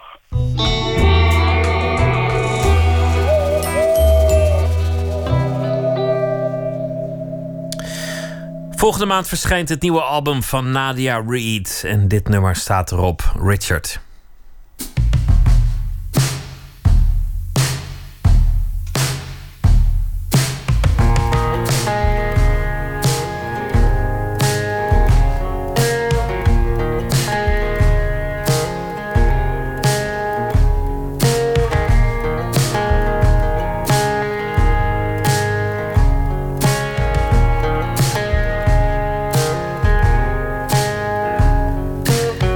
like the sun.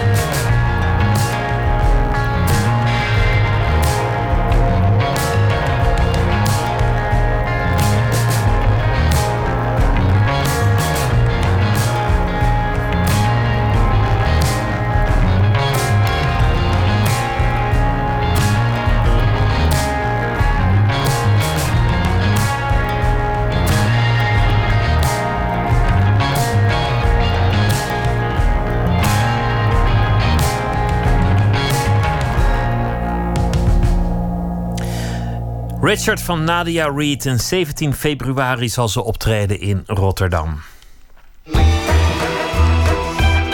Nooit meer slapen.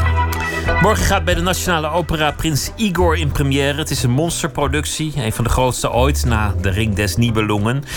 En uh, Prins Igor speelt en zingt het rol een koor een grote rol. En het koor van de Nationale Opera werd in 2016 verkozen tot het beste operakoor van de hele wereld.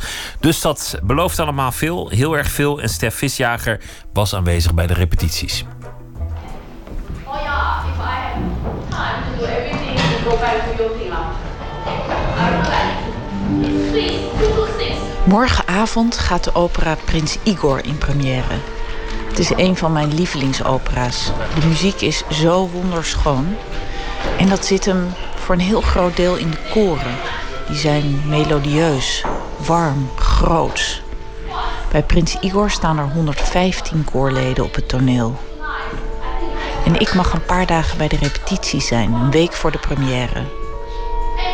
Op dit moment is er een repetitie alleen voor de mannen. Ze zitten in een halfronde cirkel in een kleine zaal met TL-licht. In het midden een vleugel en de fragiele Taiwanese koordirigente Qinglin Wu.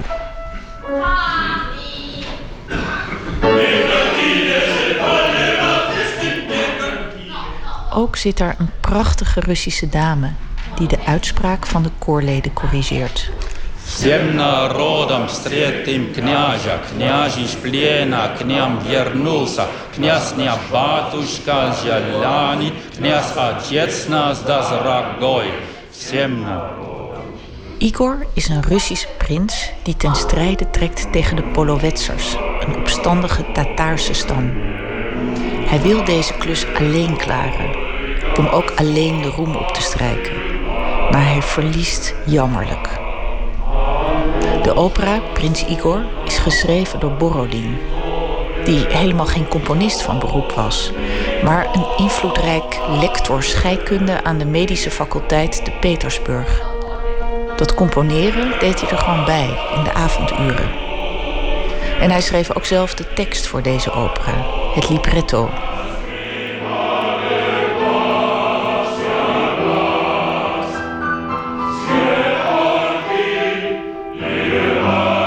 Borodin werkte 15 jaar aan Prins Igor. En toen, voordat de opera klaar was, stierf hij aan een hartaanval. Op een avond waarop zijn collega's een feestavond van medici hadden. En er dus geen enkele dokter bereikbaar was om hem te redden. Zijn vriend, de componist Rimsky-Korsakov, heeft de opera toen voltooid.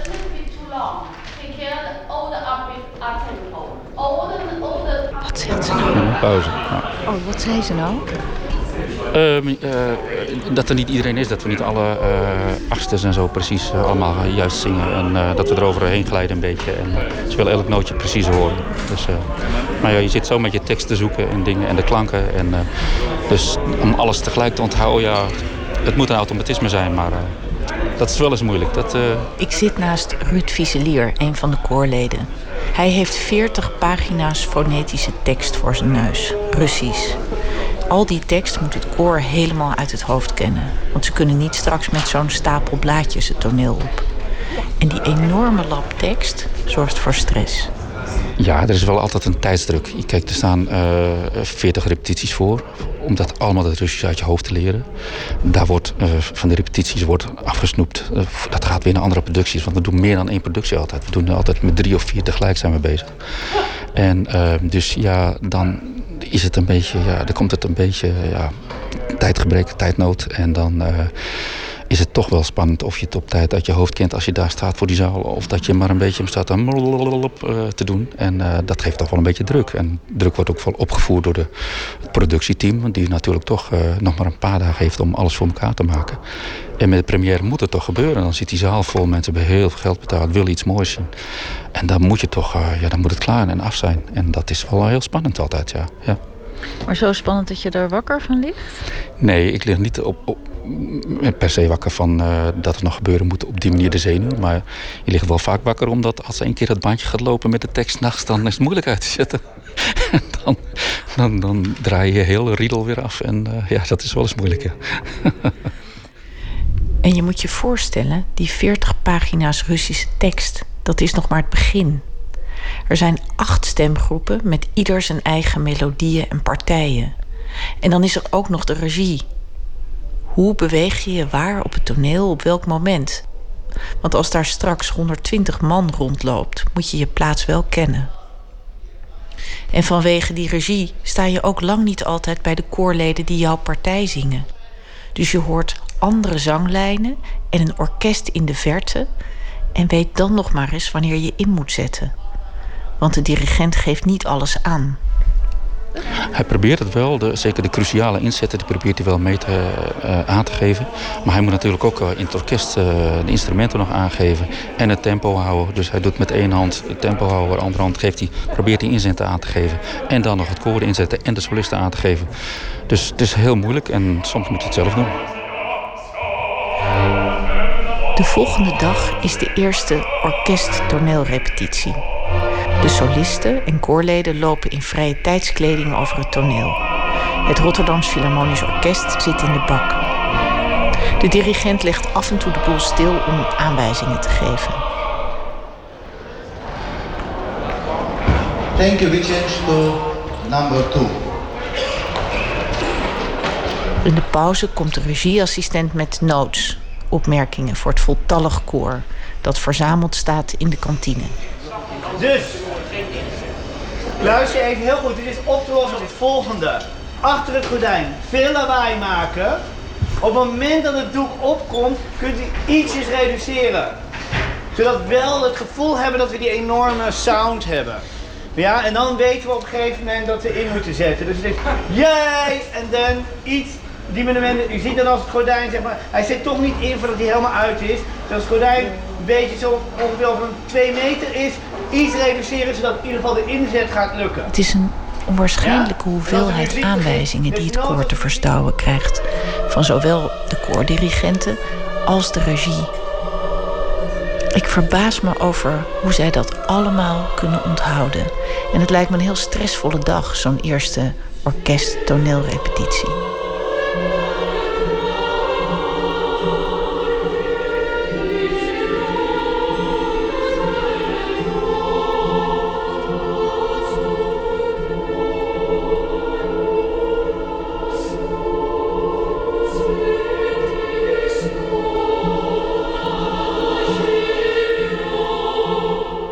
Dit is Janneke van Buul, sopraan.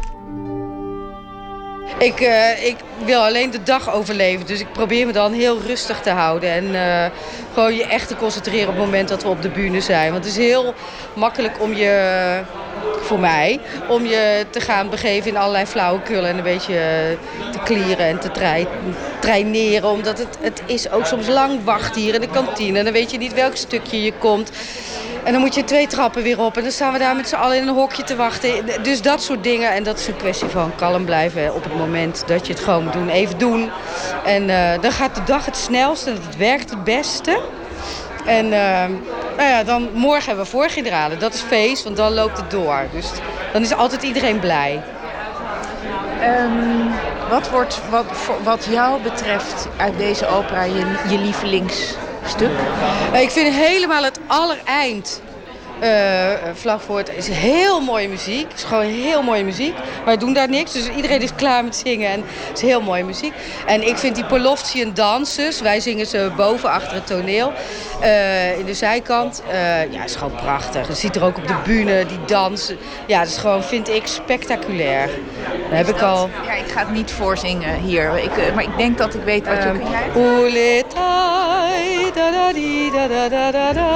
We zingen dat van blad, dus ik ken het niet uit mijn hoofd. Maar um, ja, dus dat is een heel mooi stukje. Dat, en, en dat is ook heel beroemd, want er komt uh, Poitni, Jesni, Slavi, Hanupa. Dat is heel bekend, dat kennen veel mensen. En dat is heel indrukwekkend, met een heel groot koor, grote kerst. En dan, ja, prachtig toneelbeeld, dus dat is heel leuk. Nou, heel veel plezier. Wij gaan wel. Goed zo.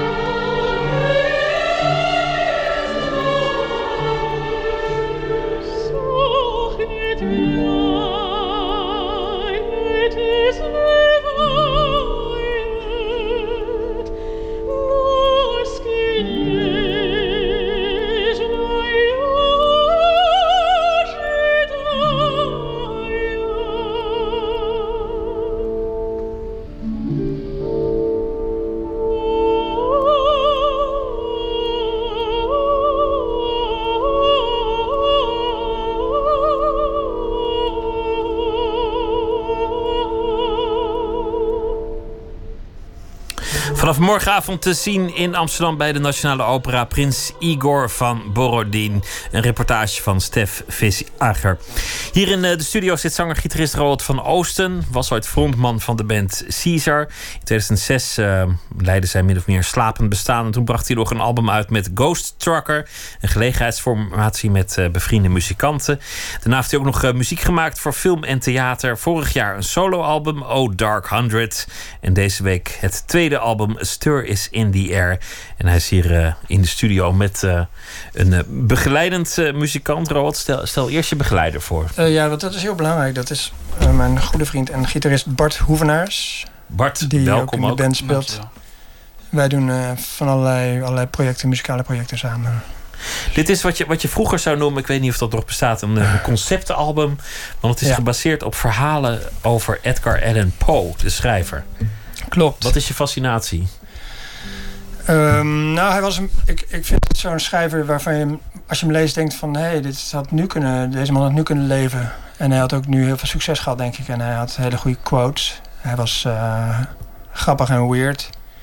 En, um, doe, vrij, doe me zo'n quote, gewoon voor, de, voor het amusement. Um, nou, ik vond het wel een grappige quote toen hij overleed. Dat is dan weliswaar niet van hem, maar dat iedereen zei van Edgar Allan Poe is dood. Uh, velen uh, zullen hem kennen, maar weinigen zullen hem missen of zo, zoiets dergelijks. Ja. Hij was behoorlijk uh, gehaat, omdat het keiharde criticus was. Um, nee, ik, ik weet het niet. Ik denk dat ik, um, ik denk dat ik gewoon erg, um, erg vermakelijk vond dat hij al die, al die gestoorde verhalen en al die prachtige donkere gedichten kwam allemaal uit één klein mannetje die, die zoveel invloed heeft gehad. En uh, dat was Edgar Allan Poe. En hoe, hoe ging het dan om een album erover te maken? Ging dat vanzelf of was het echt een idee dat je had? Ja, het was, heel, het was echt vrij spontaan. Is dat een beetje uit de hand gelopen. Dat ik gewoon begon voor een theaterproject om wat, lied, wat gedichten van Poe op muziek te zetten. En dat ik langzaam achterkwam hoe leuk die wereld was waar hij uitkwam. En hoe, hoe duister en spannend die 19e eeuwse uh, dingen zijn. Iedereen ziet, heeft wel zo'n beeld voor zich met die, die in, in, een net industriële tijd. Uh, allemaal heel veel, heel veel mysterie overal. Ik was gewoon ontzettend geïnspireerd erdoor. En ik vond het, uh, ik vond het een mooi, mooi uitgangspunt om zelf ook dan vervolgens nummers over te gaan verzinnen. Want bijna het merendeel van deze plaats zijn mijn eigen teksten. Maar die paar gedichten van Edgar Allan Poe staan er ook op. Dus het is een soort startpunt begonnen voor een soort plaat over een fascinatie voor de wereld van vroeger. We gaan luisteren naar het uh, eerste nummer. Uh, hoe heet het? Someday it's gonna turn around.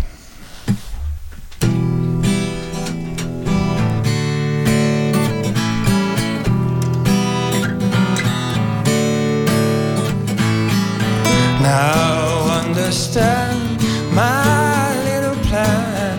I'm gonna fall down into the rabbit hole. Now and every day I will be astray. Isn't everybody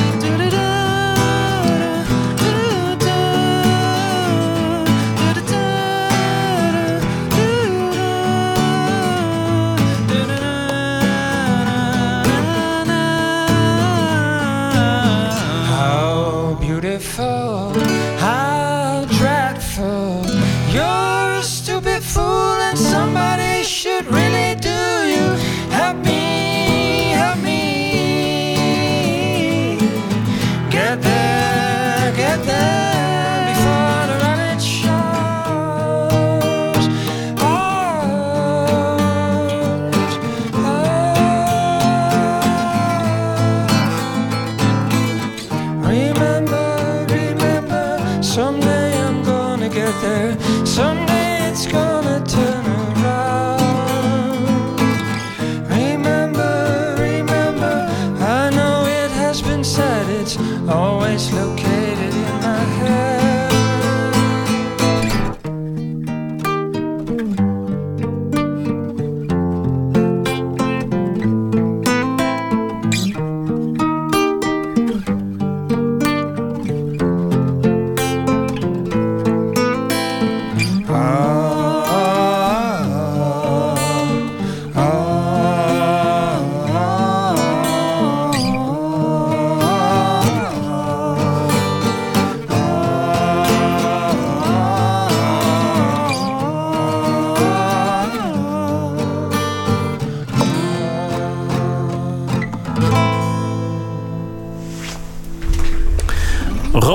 Hier in de studio. En zometeen zal hij nog een nummer spelen van zijn nieuwe plaat.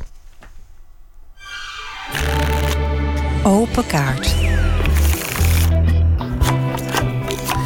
De rubriek heet Open Kaart. Een bak met kaarten met 150 vragen over werk en leven. En de gast trekt zelf de vragen.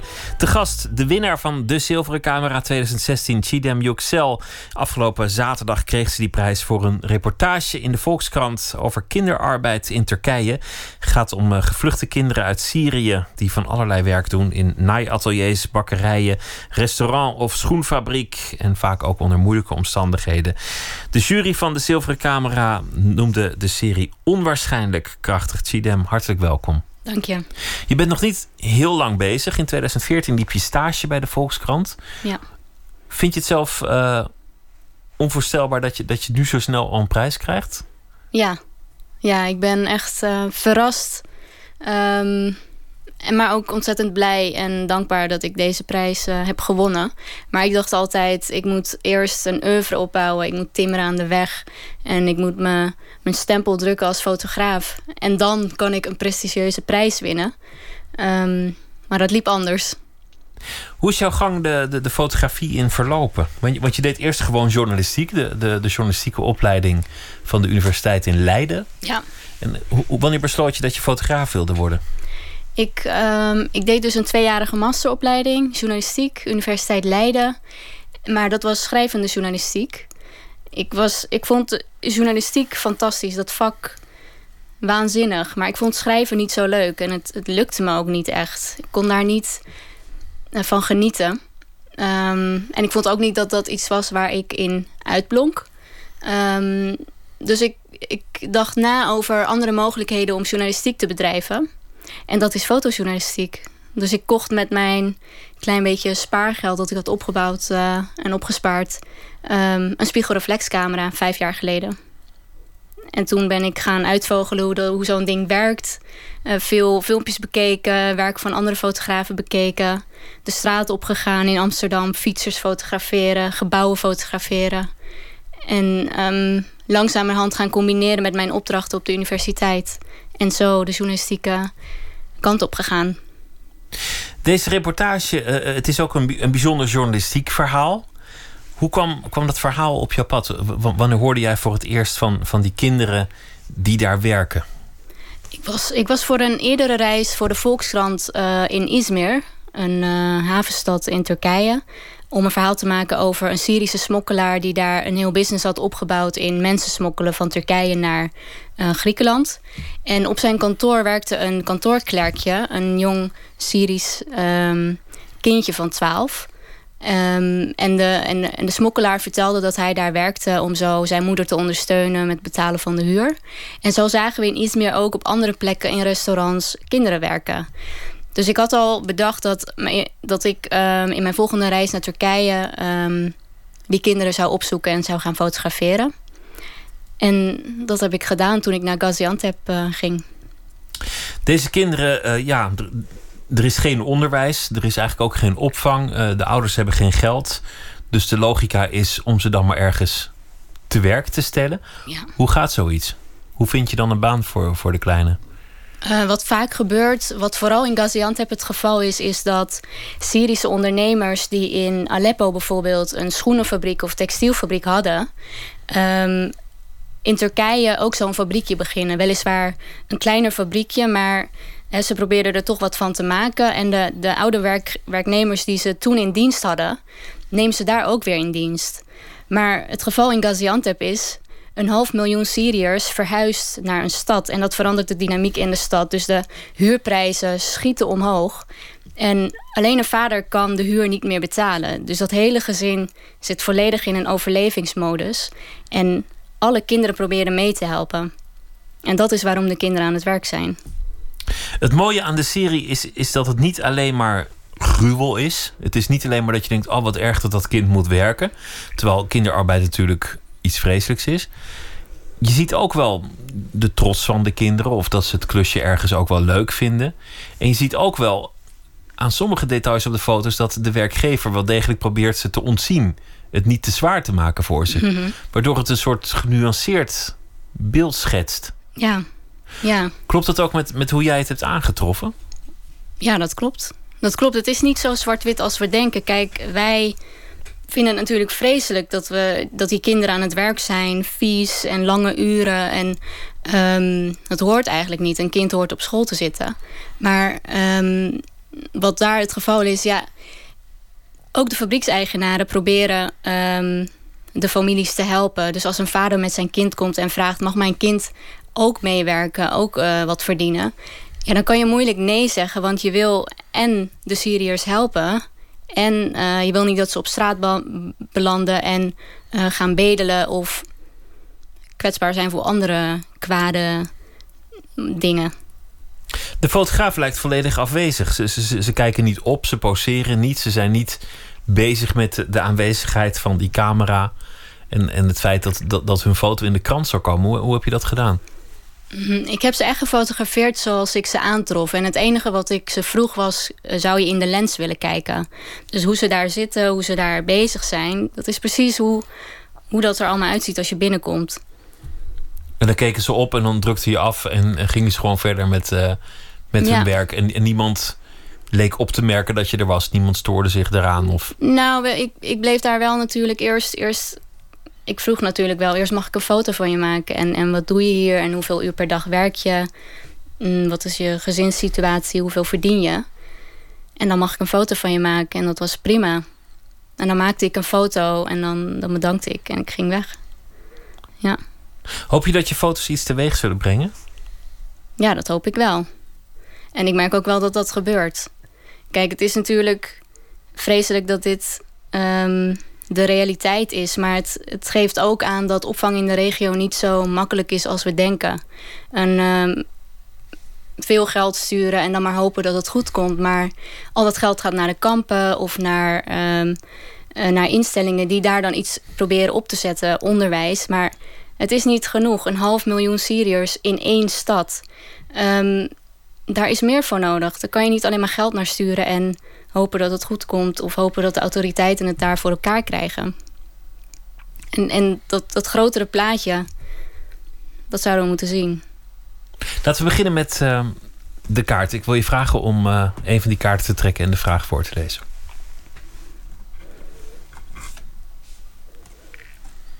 Welke kritiek van anderen krijg je soms te horen?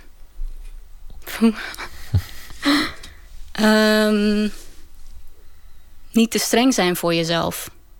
Want je bent streng voor jezelf. Nou ja, als an- ja dat, dat vinden andere mensen dan als ze naar mij kijken of als ze mij horen.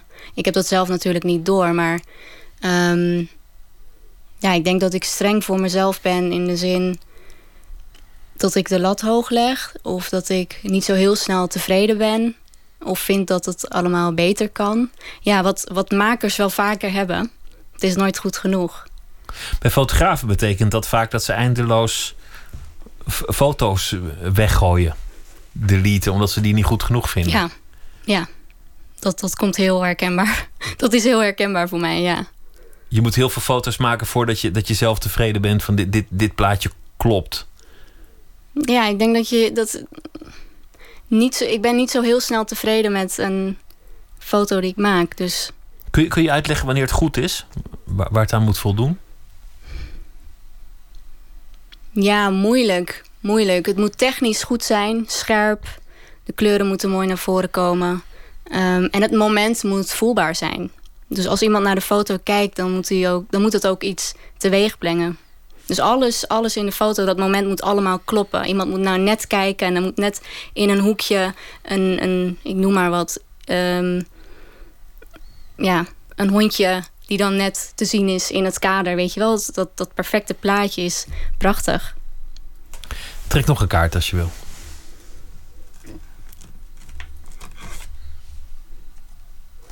Heb je ooit een heldendaad verricht?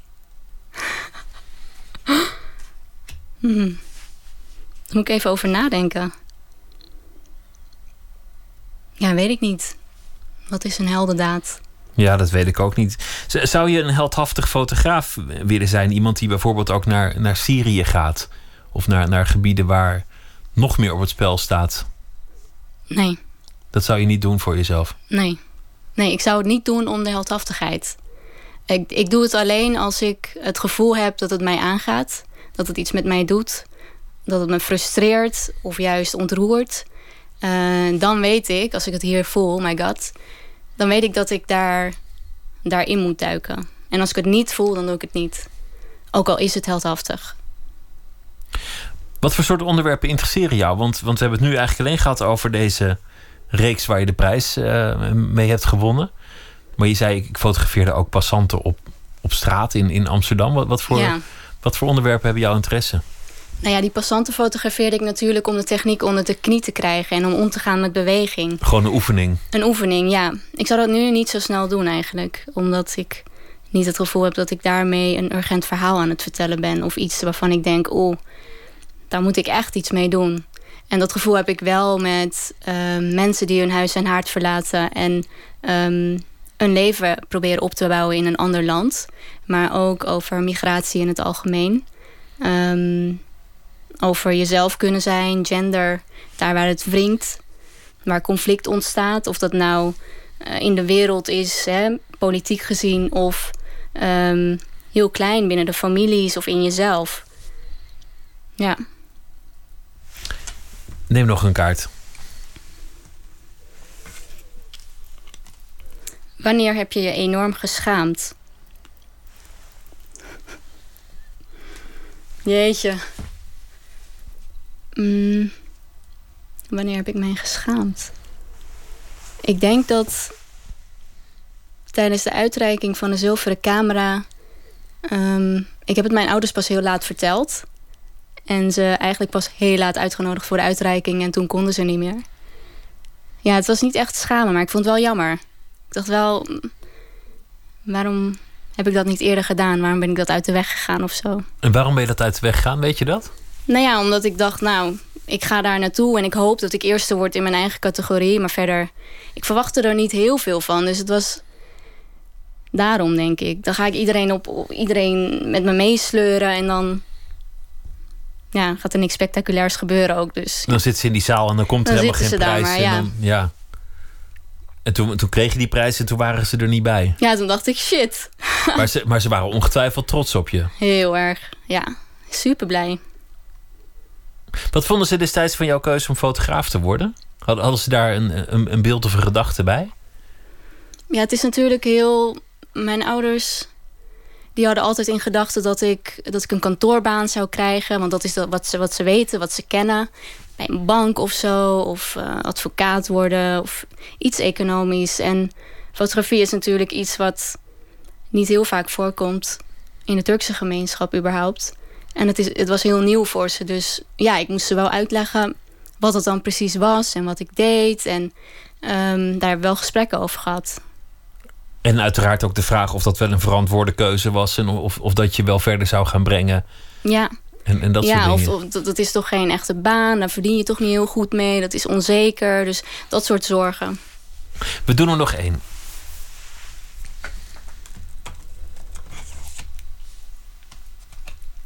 Is er iets dat niemand van je weet? Ja, En dat wil je en graag dat zo hou ik zo. Dank dat je te gast wilde zijn. En eh, nogmaals gefeliciteerd met de Zilveren Camera 2016. Chidem Yüksel, dank je wel. Dankjewel. En de winnende foto's van de Zilveren Camera die zijn te zien in eh, Museum Hilversum tot en met 12 maart. Roald van Oosten is hier naar aanleiding van het tweede album A Stir is in the Air. Werkte op die plaats samen met eh, Frank van Roesel, Bart Hoevenaars en Bo Koek op drums. En we gaan nu luisteren naar het eh, tweede nummer dat hij hier in de studio zal spelen. Horror story. One, two, three. Started out this morning just like my favorite horror stories. Spiders, ants, and dragonflies are creeping out and they're creeping in my shower. And next I'm drowning, I'm dreaming this. I'm seeing things I surely must be leaving here. I can't stop singing.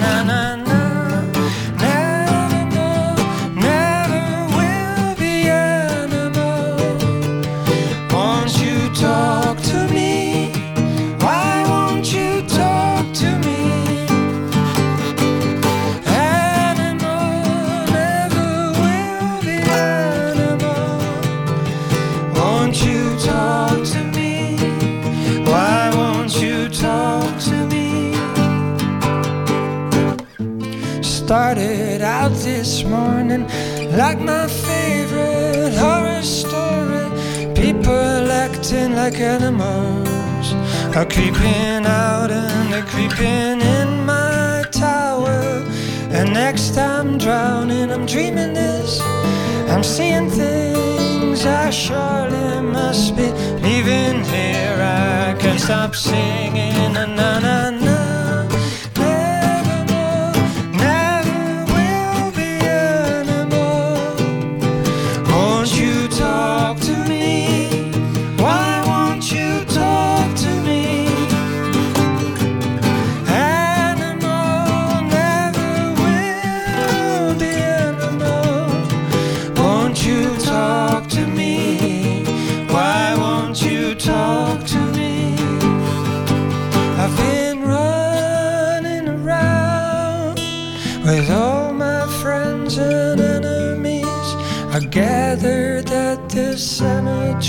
I don't wanna sleep, I don't wanna sleep. I've been running around with all my friends and enemies. I gathered at the cemetery. I don't wanna sleep, I don't wanna sleep. I've been running around with all my friends and enemies. I gathered at the cemetery. I don't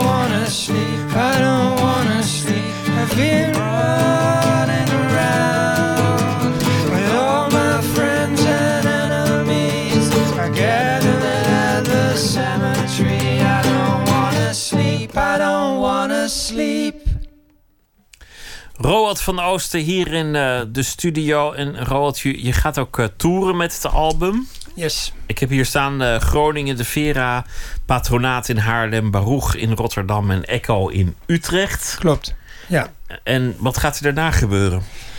Daarna gaan we. ehm, ehm, daarna, Bart. Keihard werken aan de derde plaat.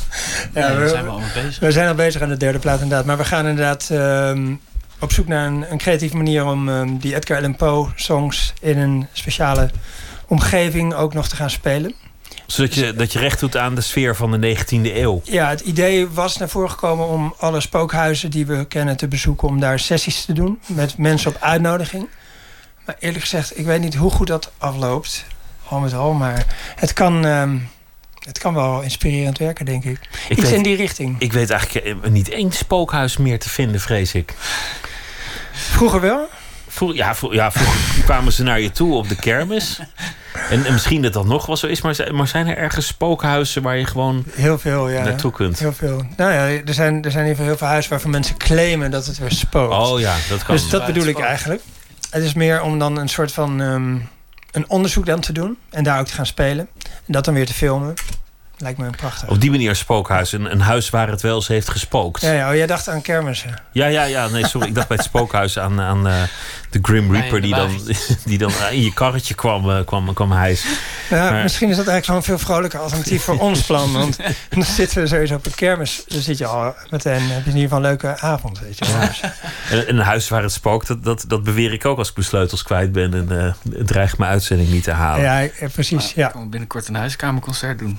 Leuk. Ja, dus ja, als mensen ons willen uitnodigen in hun spokende huiskamer, dan eh, kunnen we daarmee beginnen. En dan gaan we daar vandaan verder. Ja. Leuk, de duistere omgeving. Maar eh, eerst dus, zoals ik zei, het patronaat in Haarlem, Baruch in Rotterdam, Echo in Utrecht en Vera in Groningen. Roald van Oosten, dankjewel. En heel veel eh, succes met het album A Stir Is in the Air. Alright, dankjewel. Eén minuut heet de reeks verhalen in slechts 60 seconden. En we gaan nu luisteren naar een handboek voor polygamie. Pst, minuut.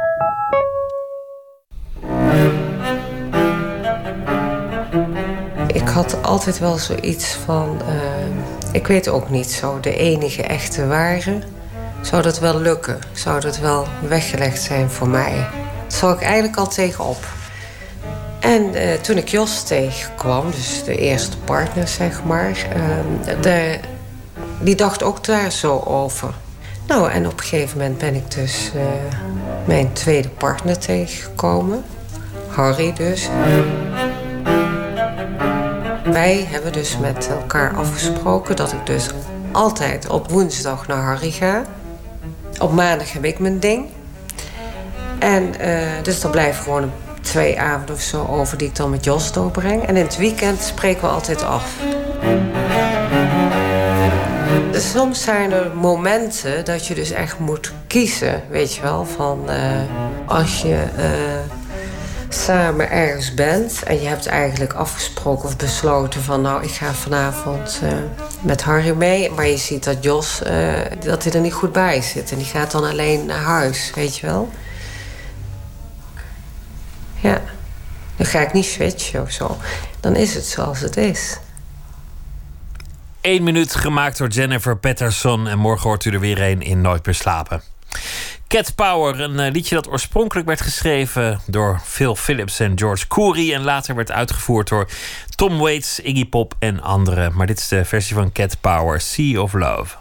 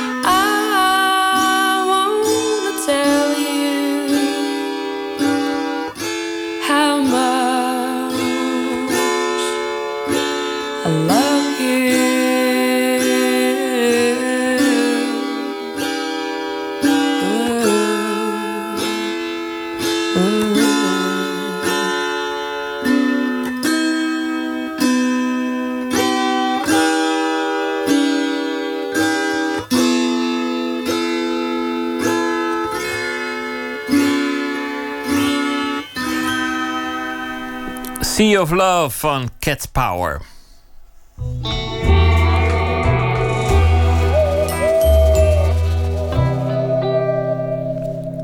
Ernest van der Kwast is schrijver en deze week zal hij elke nacht een verhaal voor ons maken over de dag die achter ons ligt. Hij heeft eh, meerdere boeken geschreven. Soms zijn dingen mooier als er mensen klappen. Mama Tandoria 2010, De IJsmakers en vorig jaar Het Wonder dat niet omvalt. Ernest van der Kwast, goeienacht. Goeienacht, hallo. Leuk dat je deze week eh, elke nacht even aan de telefoon krijgt. En ik ben eh, benieuwd wat je vandaag heeft geïnspireerd. Het stuk heet Vis. Ik moest vandaag de hele dag aan mezelf als vis denken. Het kwam door een stuk dat ik op zondag had gelezen in Volkskrant Magazine. Daarin schrijft Wilma de Rek over de toename van burn-outs en depressies. Inmiddels kampt één op de acht werknemers in Nederland met een burn-out. Zelfs bij jongeren is overspannenheid een probleem aan het worden. Komt het door de iPhone, door de 100 mails die we per dag ontvangen... Er is nog geen afdoende verklaring voor de toename van oververmoeide mensen. De onderzoeken richten zich te veel op onze eigen tijd, het hier en nu. Om echt te snappen hoe het zit met aandoeningen als burn-out en depressie... moet je terug in de tijd, schetst Wilma de Rek. Geen honderd jaar, geen 10.000 jaar, maar miljarden jaren. Je moet terug naar het begin van het leven op aarde. Wat blijkt? De mens heeft het brein van een vis als het op stress aankomt. Hij is niet toegerust op de talloze prikkels van de moderne tijd. Mijn brein is vergelijkbaar met dat van een goudvis, dacht ik bij het eerste e-mailtje dat ik vanochtend ontving. Drie seconden later kwam het volgende mailtje en dacht ik aan mezelf als sardientje. Toen de telefoon ging, deed ik een maanvisje na. Een inkomend berichtje antwoordde ik zoals een regenboogvis zou doen of een voorntje. Dat maakt namelijk niets uit. De meeste vissen doen blub blub, blub blub. Wie een vis na wil doen, heeft geen stress. Aan de andere kant van de lijn begreep men er weinig van. Mijn vriendin later ook niet. Nadat ik de kinderen van school had gehaald, moest ik boodschappen doen en koken. Maar ik deed de hele avond alsof ik een vis was. Over het eh, brein van de mens dat nog steeds stamt uit de tijd dat eh, we waterdieren waren. En eh, daardoor zouden we zoveel burn-out hebben. Weet je wat ook in dat stuk stond? Dat, dat vond ik zo wonderlijk. Dat, dat de dingen die mensen doen om van hun stress af te komen... alleen maar een bron van meer stress zijn. Ja, dat was ja. onderzocht dat mensen dan op yoga gaan. En dat ze dan stress hebben. Oh, ik moet weer naar yoga. Ik ben zo druk, want ik moet elke dag yoga. En dan moesten ze mediteren en mindfulness doen. Maar zelfs een boek lezen volgens mij veroorzaakt zo stress... omdat je dan dat boek uit moet lezen of, of iets dergelijks. Ja, dat is zo grappig hè, dat dan de bedrijfsarts zegt van... nou, volgens mij heb je een naderende burn-out, ga aan yoga doen... en dan worden ze daar weer overspannen van. Wat, wat, mij, wat voor mij echt helpt tegen de stress is, is naar in, in, in Zuid-Tirol... waar mijn vriendin vandaan komt, naar, naar de sauna gaan. En dan, dan daar lopen allemaal reuzen die dan zo'n auf, aufkoes, een opgieting doen. En dan krijg je het zo verschrikkelijk warm. En ik ben wel wat gewend als Indiaanse jongen die tijdens een hittegolf geboren is. En dan, dan mag je de sauna uitlopen compleet betraand, bezweet. En dan, dan is een meertje dat is opengehakt. En daar spring je dan in. En dan, dan kom je daar na vijf seconden uit met een piemel zo klein als een garnaal. En dan ga je liggen op een waterbed en dan hoor je je hart zo pompen. En ja, dan ben ik ontspannen. Ja, dat, jij, denkt nu, jij denkt nu weer aan mijn piemel, hè? Elke keer als we elkaar aan de lijn hebben. Nee, ik zal niet elke keer aan je piemel denken, maar ik zal wel denken aan een wak van min 6 graden. Goed zo. Wellicht. Nou ja, over, over stress. Maar, maar heb jij, zijn er momenten dat jij stress hebt? Want, want jij, je hebt niet een baas. Oh man, het is een ramp. Ik moet morgen om zes uur opstaan, omdat ik om kwart, over, kwart voor zeven op mijn kantoor moet zitten om te gaan werken. Het is helemaal ingedeeld. Het is niet normaal meer. Dat ik dit doe, dat ik mezelf dit aandoe. Dat je dit ook nog eens erbij doet, een bron Ja. van stress. Nou, dan moet je, als de week voorbij is, maar snel naar, naar, naar de sauna in Tirol om daar... nee, kan eh, niet. Kan, kan, Oh, kan niet. Pas december 2017. Dat is wel dit jaar, dus dat troost. Nou, geen wonder dat je, eh, dat je aan het vissenbrein moet denken met je, met je naderende overspannenheid, Ernest. Blub, blub. Blub, blub. Ik wens je een hele goede nacht. Snel. eh, Weet onder- je welke vis ik nadeed? Nee, ik, ik ben niet goed in vissengeluiden. Vogelgeluiden zijn mij vind dat altijd mensen moeilijk. daar de hele nacht over moeten gaan nadenken. Als ze niet kunnen slapen. Dat is toch lekker ontspannen. Ernst, goede nacht. Tot morgen. Tot morgen. Ciao. Hoi. We gaan luisteren naar eh, Happy Camper met het nummer Easy Way Out.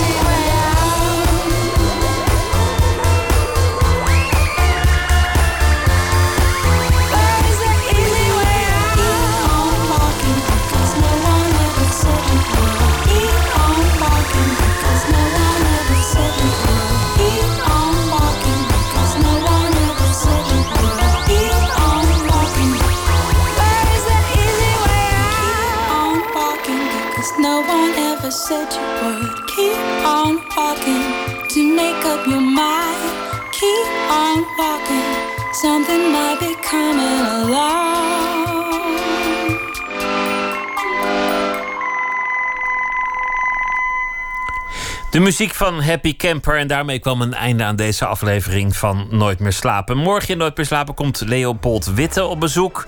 Bekend onder meer van zijn rol als Evert Lodewijks in de serie Gooise Vrouwen. Speelde ook recent de hoofdrol in de speelfilm Waterboys. Is verbonden aan toneelgezelschap Orkater. En deze week gaat de voorstelling 237 redenen om door te gaan in première. Dat allemaal morgen in Nooit meer slapen. Voor nu een hele goede nacht en graag tot morgen.